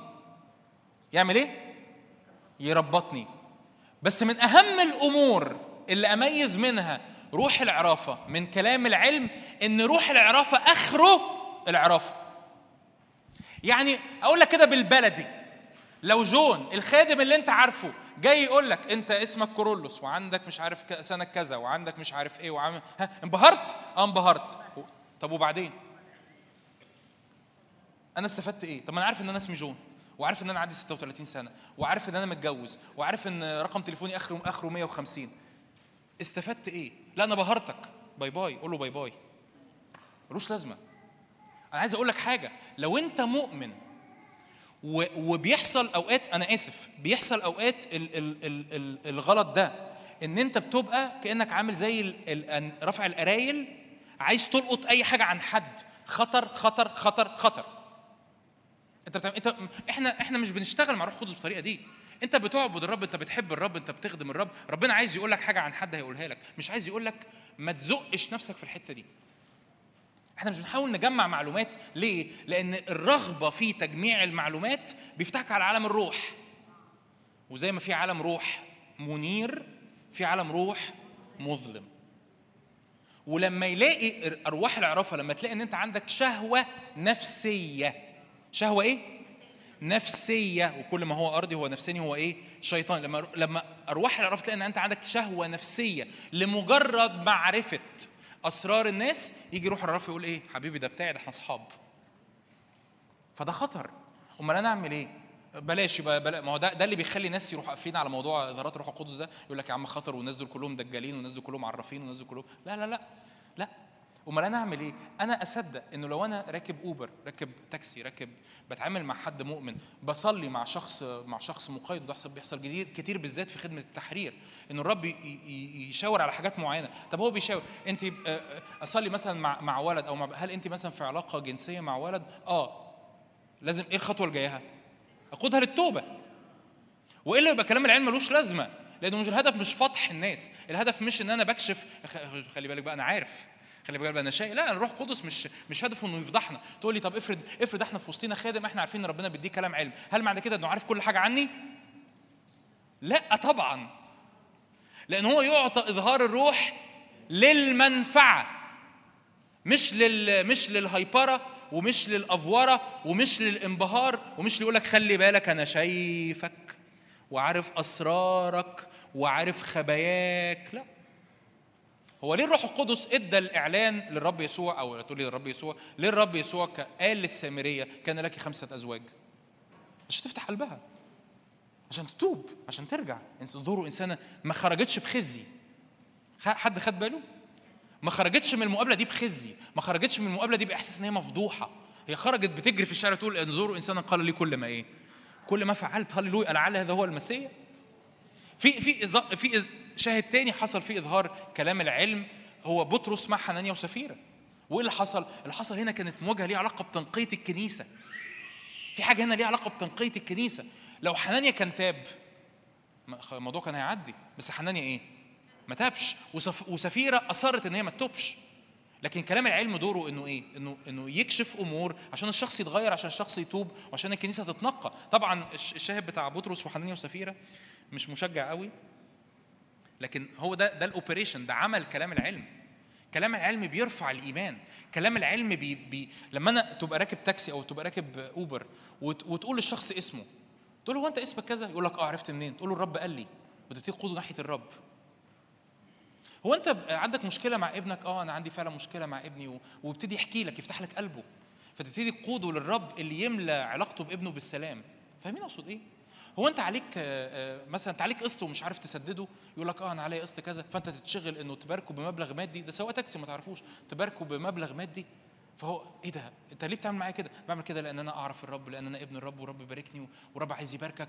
إيه اللي حصل في حياته؟ عرف الرب. انت في حاجة في ذهنه أنا في حد النهارده اتقابل معايا بيكلمني عن المسيح والمسيح ده طلع كاشف الأسرار زي ما دانيال يقول في دانيال اتنين. كلام العلم بيعمل كده. طب وجوه الكنيسة؟ جوه الكنيسة فكلام العلم بره الكنيسة بيجيب الناس للرب. انت المفروض جوه الكنيسة عارف ان الرب بيحبك المفروض تكون عارف ان الرب بيحبك. بس بيعمل إيه؟ بيرفع إيمانك. ده دور كلام العلم. ودي مهمة قوي. كلام العلم لما يشتغل مع الشفاء لما تبقى في اجتماع وتلاقي إن الخادم اللي واقف على المنبر يقول في حد هنا آه، عنده صداع. الرب يريد أن يشفيك بالصداع. تقول آه آه ده بي يعني ده بي- بيضرب كده يعني بيضرب له كام اسم مرض كده بالمرة عشان يصلي. لا يا حبيبي. الكلام العلم لما بيرتبط بالشفاء بيرفع الإيمان. فاكرين إحد رجال الله لما يشرح عن كلام العلم يقول كده لما بارتيماوس كان يصرخ يا معل يا ابن داود إيه؟ ارحمني. فالرب يسوع وقف الموكب وقال للتلاميذ نادوه فراحوا بعتوا التل- التلاميذ قالوا له آه، ثق قم هو ذا إيه؟ مين اللي ناداه؟ الرب يسوع ولا التلاميذ؟ التلاميذ هم اللي نادوه. الرب يسوع عايزه بس مين اللي ناداه؟ التلاميذ هو كلام العلم كده بالظبط. لما تبقى انت قاعد في الاجتماع انت عندك مرض عندك ظرف صعب وتلاقي ان الخادم بيصلي لأجل نفس الظرف الصعب اللي انت بتعدي بيه. افهم ان كده الرب بيعمل إيه. بيعلي إيمانك. بيقول لك أنا شايفك. بيقول لك أنا سامعك. بيقول لك أنا واخد بالي منك. بيقول لك أنا عايز أتدخل في ظروفك. ما ت- ما ليه؟ لأنه تفوتها تزحلقها. آه عادي. إيه اللي عادي. لا مش عادي. مش عادي. اشمعنى الخادم ده في اللحظة دي صلى لأجل الاحتياج ده أو صلى لأجل المرض ده أو صلى لأجل الظروف دي أو صلى لأجل الأمر اللي أنا حاسس فيه بقيد أو أو أو بتحدي؟ أو أنا أبقى جاي أنا جاي باخد خلوتي في آية وألاقي الخادم بيقول نفس الآية. أنت تلقائيا بيحصل لك فيك إيمانك بإيه؟ بتشجع هو كلام العلم دوره كده في, في الاجتماعات جوه جوه المؤمنين. فبره فبره في الكرازة دوره جذب الانتباه. عشان يقود للإيه؟ للرب مش يقود للشخص. مش يقود ليا كخادم. طبعا هتكلم عن تمييز الأرواح بالتفصيل بس بعد البريك عشان أقول لك إزاي بولس عرف إن ده روح عرافة. لكن كلام العلم مش دوره فقط الاندهاش أو الانبهار أو أنا شايفك وعارفك. وعلى فكرة أنا لما لما أنت تيجي كل شوية تقول لي معلومة أنا عارفها. راجع نفسك. راجع الحاجات اللي الناس أوقات بتقولها لك وت... أنا في ناس بعض الأوقات ناس تقول لي حاجات أحس إن أنا شكرا بس أنا لم أستفد أي شيء. بس ما استفدتش حاجة. أنا استفدت إيه؟ ما أنا عارف ما أنا عارف إن أنا هعمل كده. ما أنا عارف إن أنا اسمي كذا. ما أنا عارف إن أنا أنا عارف. والحاجة ما هي ما فيهاش أي دايركشن يعني ما فيهاش مثلا توبة ما فيهاش رجوع ما فيهاش ما فيهاش حاجة تشجيعية ليا. ده خطر. ليه خطر؟ طب سؤال تاني معلش سامحوني. هو ينفع أبقى أنا ببتدي مظبوط كمؤمن ممتلئ بالروح القدس وأدخل على العرافة؟ آه. آه. ليه؟ إزاي؟ مش لأن الروح القدس سابني لكن افتكر البعد النفسي. افتكر البعد النفسي. إن أنا اتحركت مظبوط بالروح القدس الرب إداني كلمات علم فشاركت أختي بكلمة علم فهي اتشجعت وبعد كده صلينا أنا مؤمن وتقي بحب الرب ومش عارف إيه وهي اتشجعت وهي حسيت الموضوع حلو. طبعا ده ما بيحصل طب ريلاكس ها؟ عايزكم تطمنوا. ده بيحصل بيحصلش يوم وليلة. يعني مش النهارده انت تمام بكره هت عرافة. الموضوع مش كده خالص الموضوع مش كده خالص. لا لا موضوع وقت. وقت من إيه؟ من الطاقة النفسية اللي خارجة منك اللي تحولت من التركيز على الرب وإنك عايز تجذب النفوس على الرب بإنه الموضوع تحول إلى معرفة الأسرار. وإن أنا أنا عايزه لما أدخل الاجتماع أصلي لدي وأقول لها كلمة وأصلي لدي وأقول لها كلمة وأصلي لدي وأقول لها وأصلي لده وأقول له كلمة. طب إيه يا عم الكلمة دي؟ مح- محتواها إيه؟ لا لا أنا بقول لهم حاجات هم عارفينها. لا خلي بالك. ليه؟ لأن هنا الموضوع بقى فيه أبعاد نفسية وكل حكمة نفسية هي أرضية وهي إيه؟ شيطانية. فيتحرك روح العرافة على اللي أنت بتعمله وكنت أنت أنت بادي صح بس أنت دخلت أبعاد مش نقية في اللي أنت بتعمله فالموضوع قلب عرافة. تمام؟ لكن كلام العلم موجود موجود موجود موجود 100% موجود 100% عندي قصص ياما أحكيها آه، في قصة كلام العلم ده حاجات في في صلاة حاجات في ناس في الشارع حاجات في من على المنبر. قصص قصص قصص. أهم حاجة حط تركيزك على مين؟ على الرب. وبتجذب النفوس على مين؟ على الرب. وتبقى مدرك إنه لو الرب إدى كلمة علم مظبوطة ففي الآخر كلمة العلم وحدها لا تكفي. أنا لازم أقود سواء بقى ده مؤمن أو غير مؤمن. كلمة العلم لازم أروح واخد بإيد الشخص أقول له شايف بقى الرب اللي كشف عنك الأمر ده؟ تعال نروح له. الرب ده شايفك الرب ده عارفك الرب ده مهتم بيك الرب ده مهتم بظروفك الرب مهتم بقلبك هو بيحبك الرب ده شايفك بشكل شخصي. انت مش واحد من الملايين. ده شايفك وعارفك بشكل شخصي. ثق قم. هو ده إيه؟ بيناديك أهو. بيقول لك تعالى لي أنا شايفك وعارفك وعايز ألمس احتياجك. أمين؟ تعالوا نقف مع بعض ناخد دقيقة في الصلاة. كم حد متشجع؟ هللويا. كم حد نام؟ مد إيدك كده قدامك؟ قول له روح الله إحنا عطشانين. فعل شغل مواهبك شغل إظهاراتك في حياتنا. فعل كل ما تريد يا رب أن تصنع في حياتنا. إحنا بين إيديك يا رب تمم كل عمل صالح. إحنا مستعدين أن نخرج. مستعدين إن إحنا نخرج في اسم الرب يسوع. شكرا لأجل روحك لأجل عملك لأجل كلمتك لأجل حقك. ثبت عملك فينا في اسم الرب يسوع. آمين. آمين. ناخد بريك لثلاثة وربع. تلت ساعة. يلا. ان شاء الله ما حد حوش.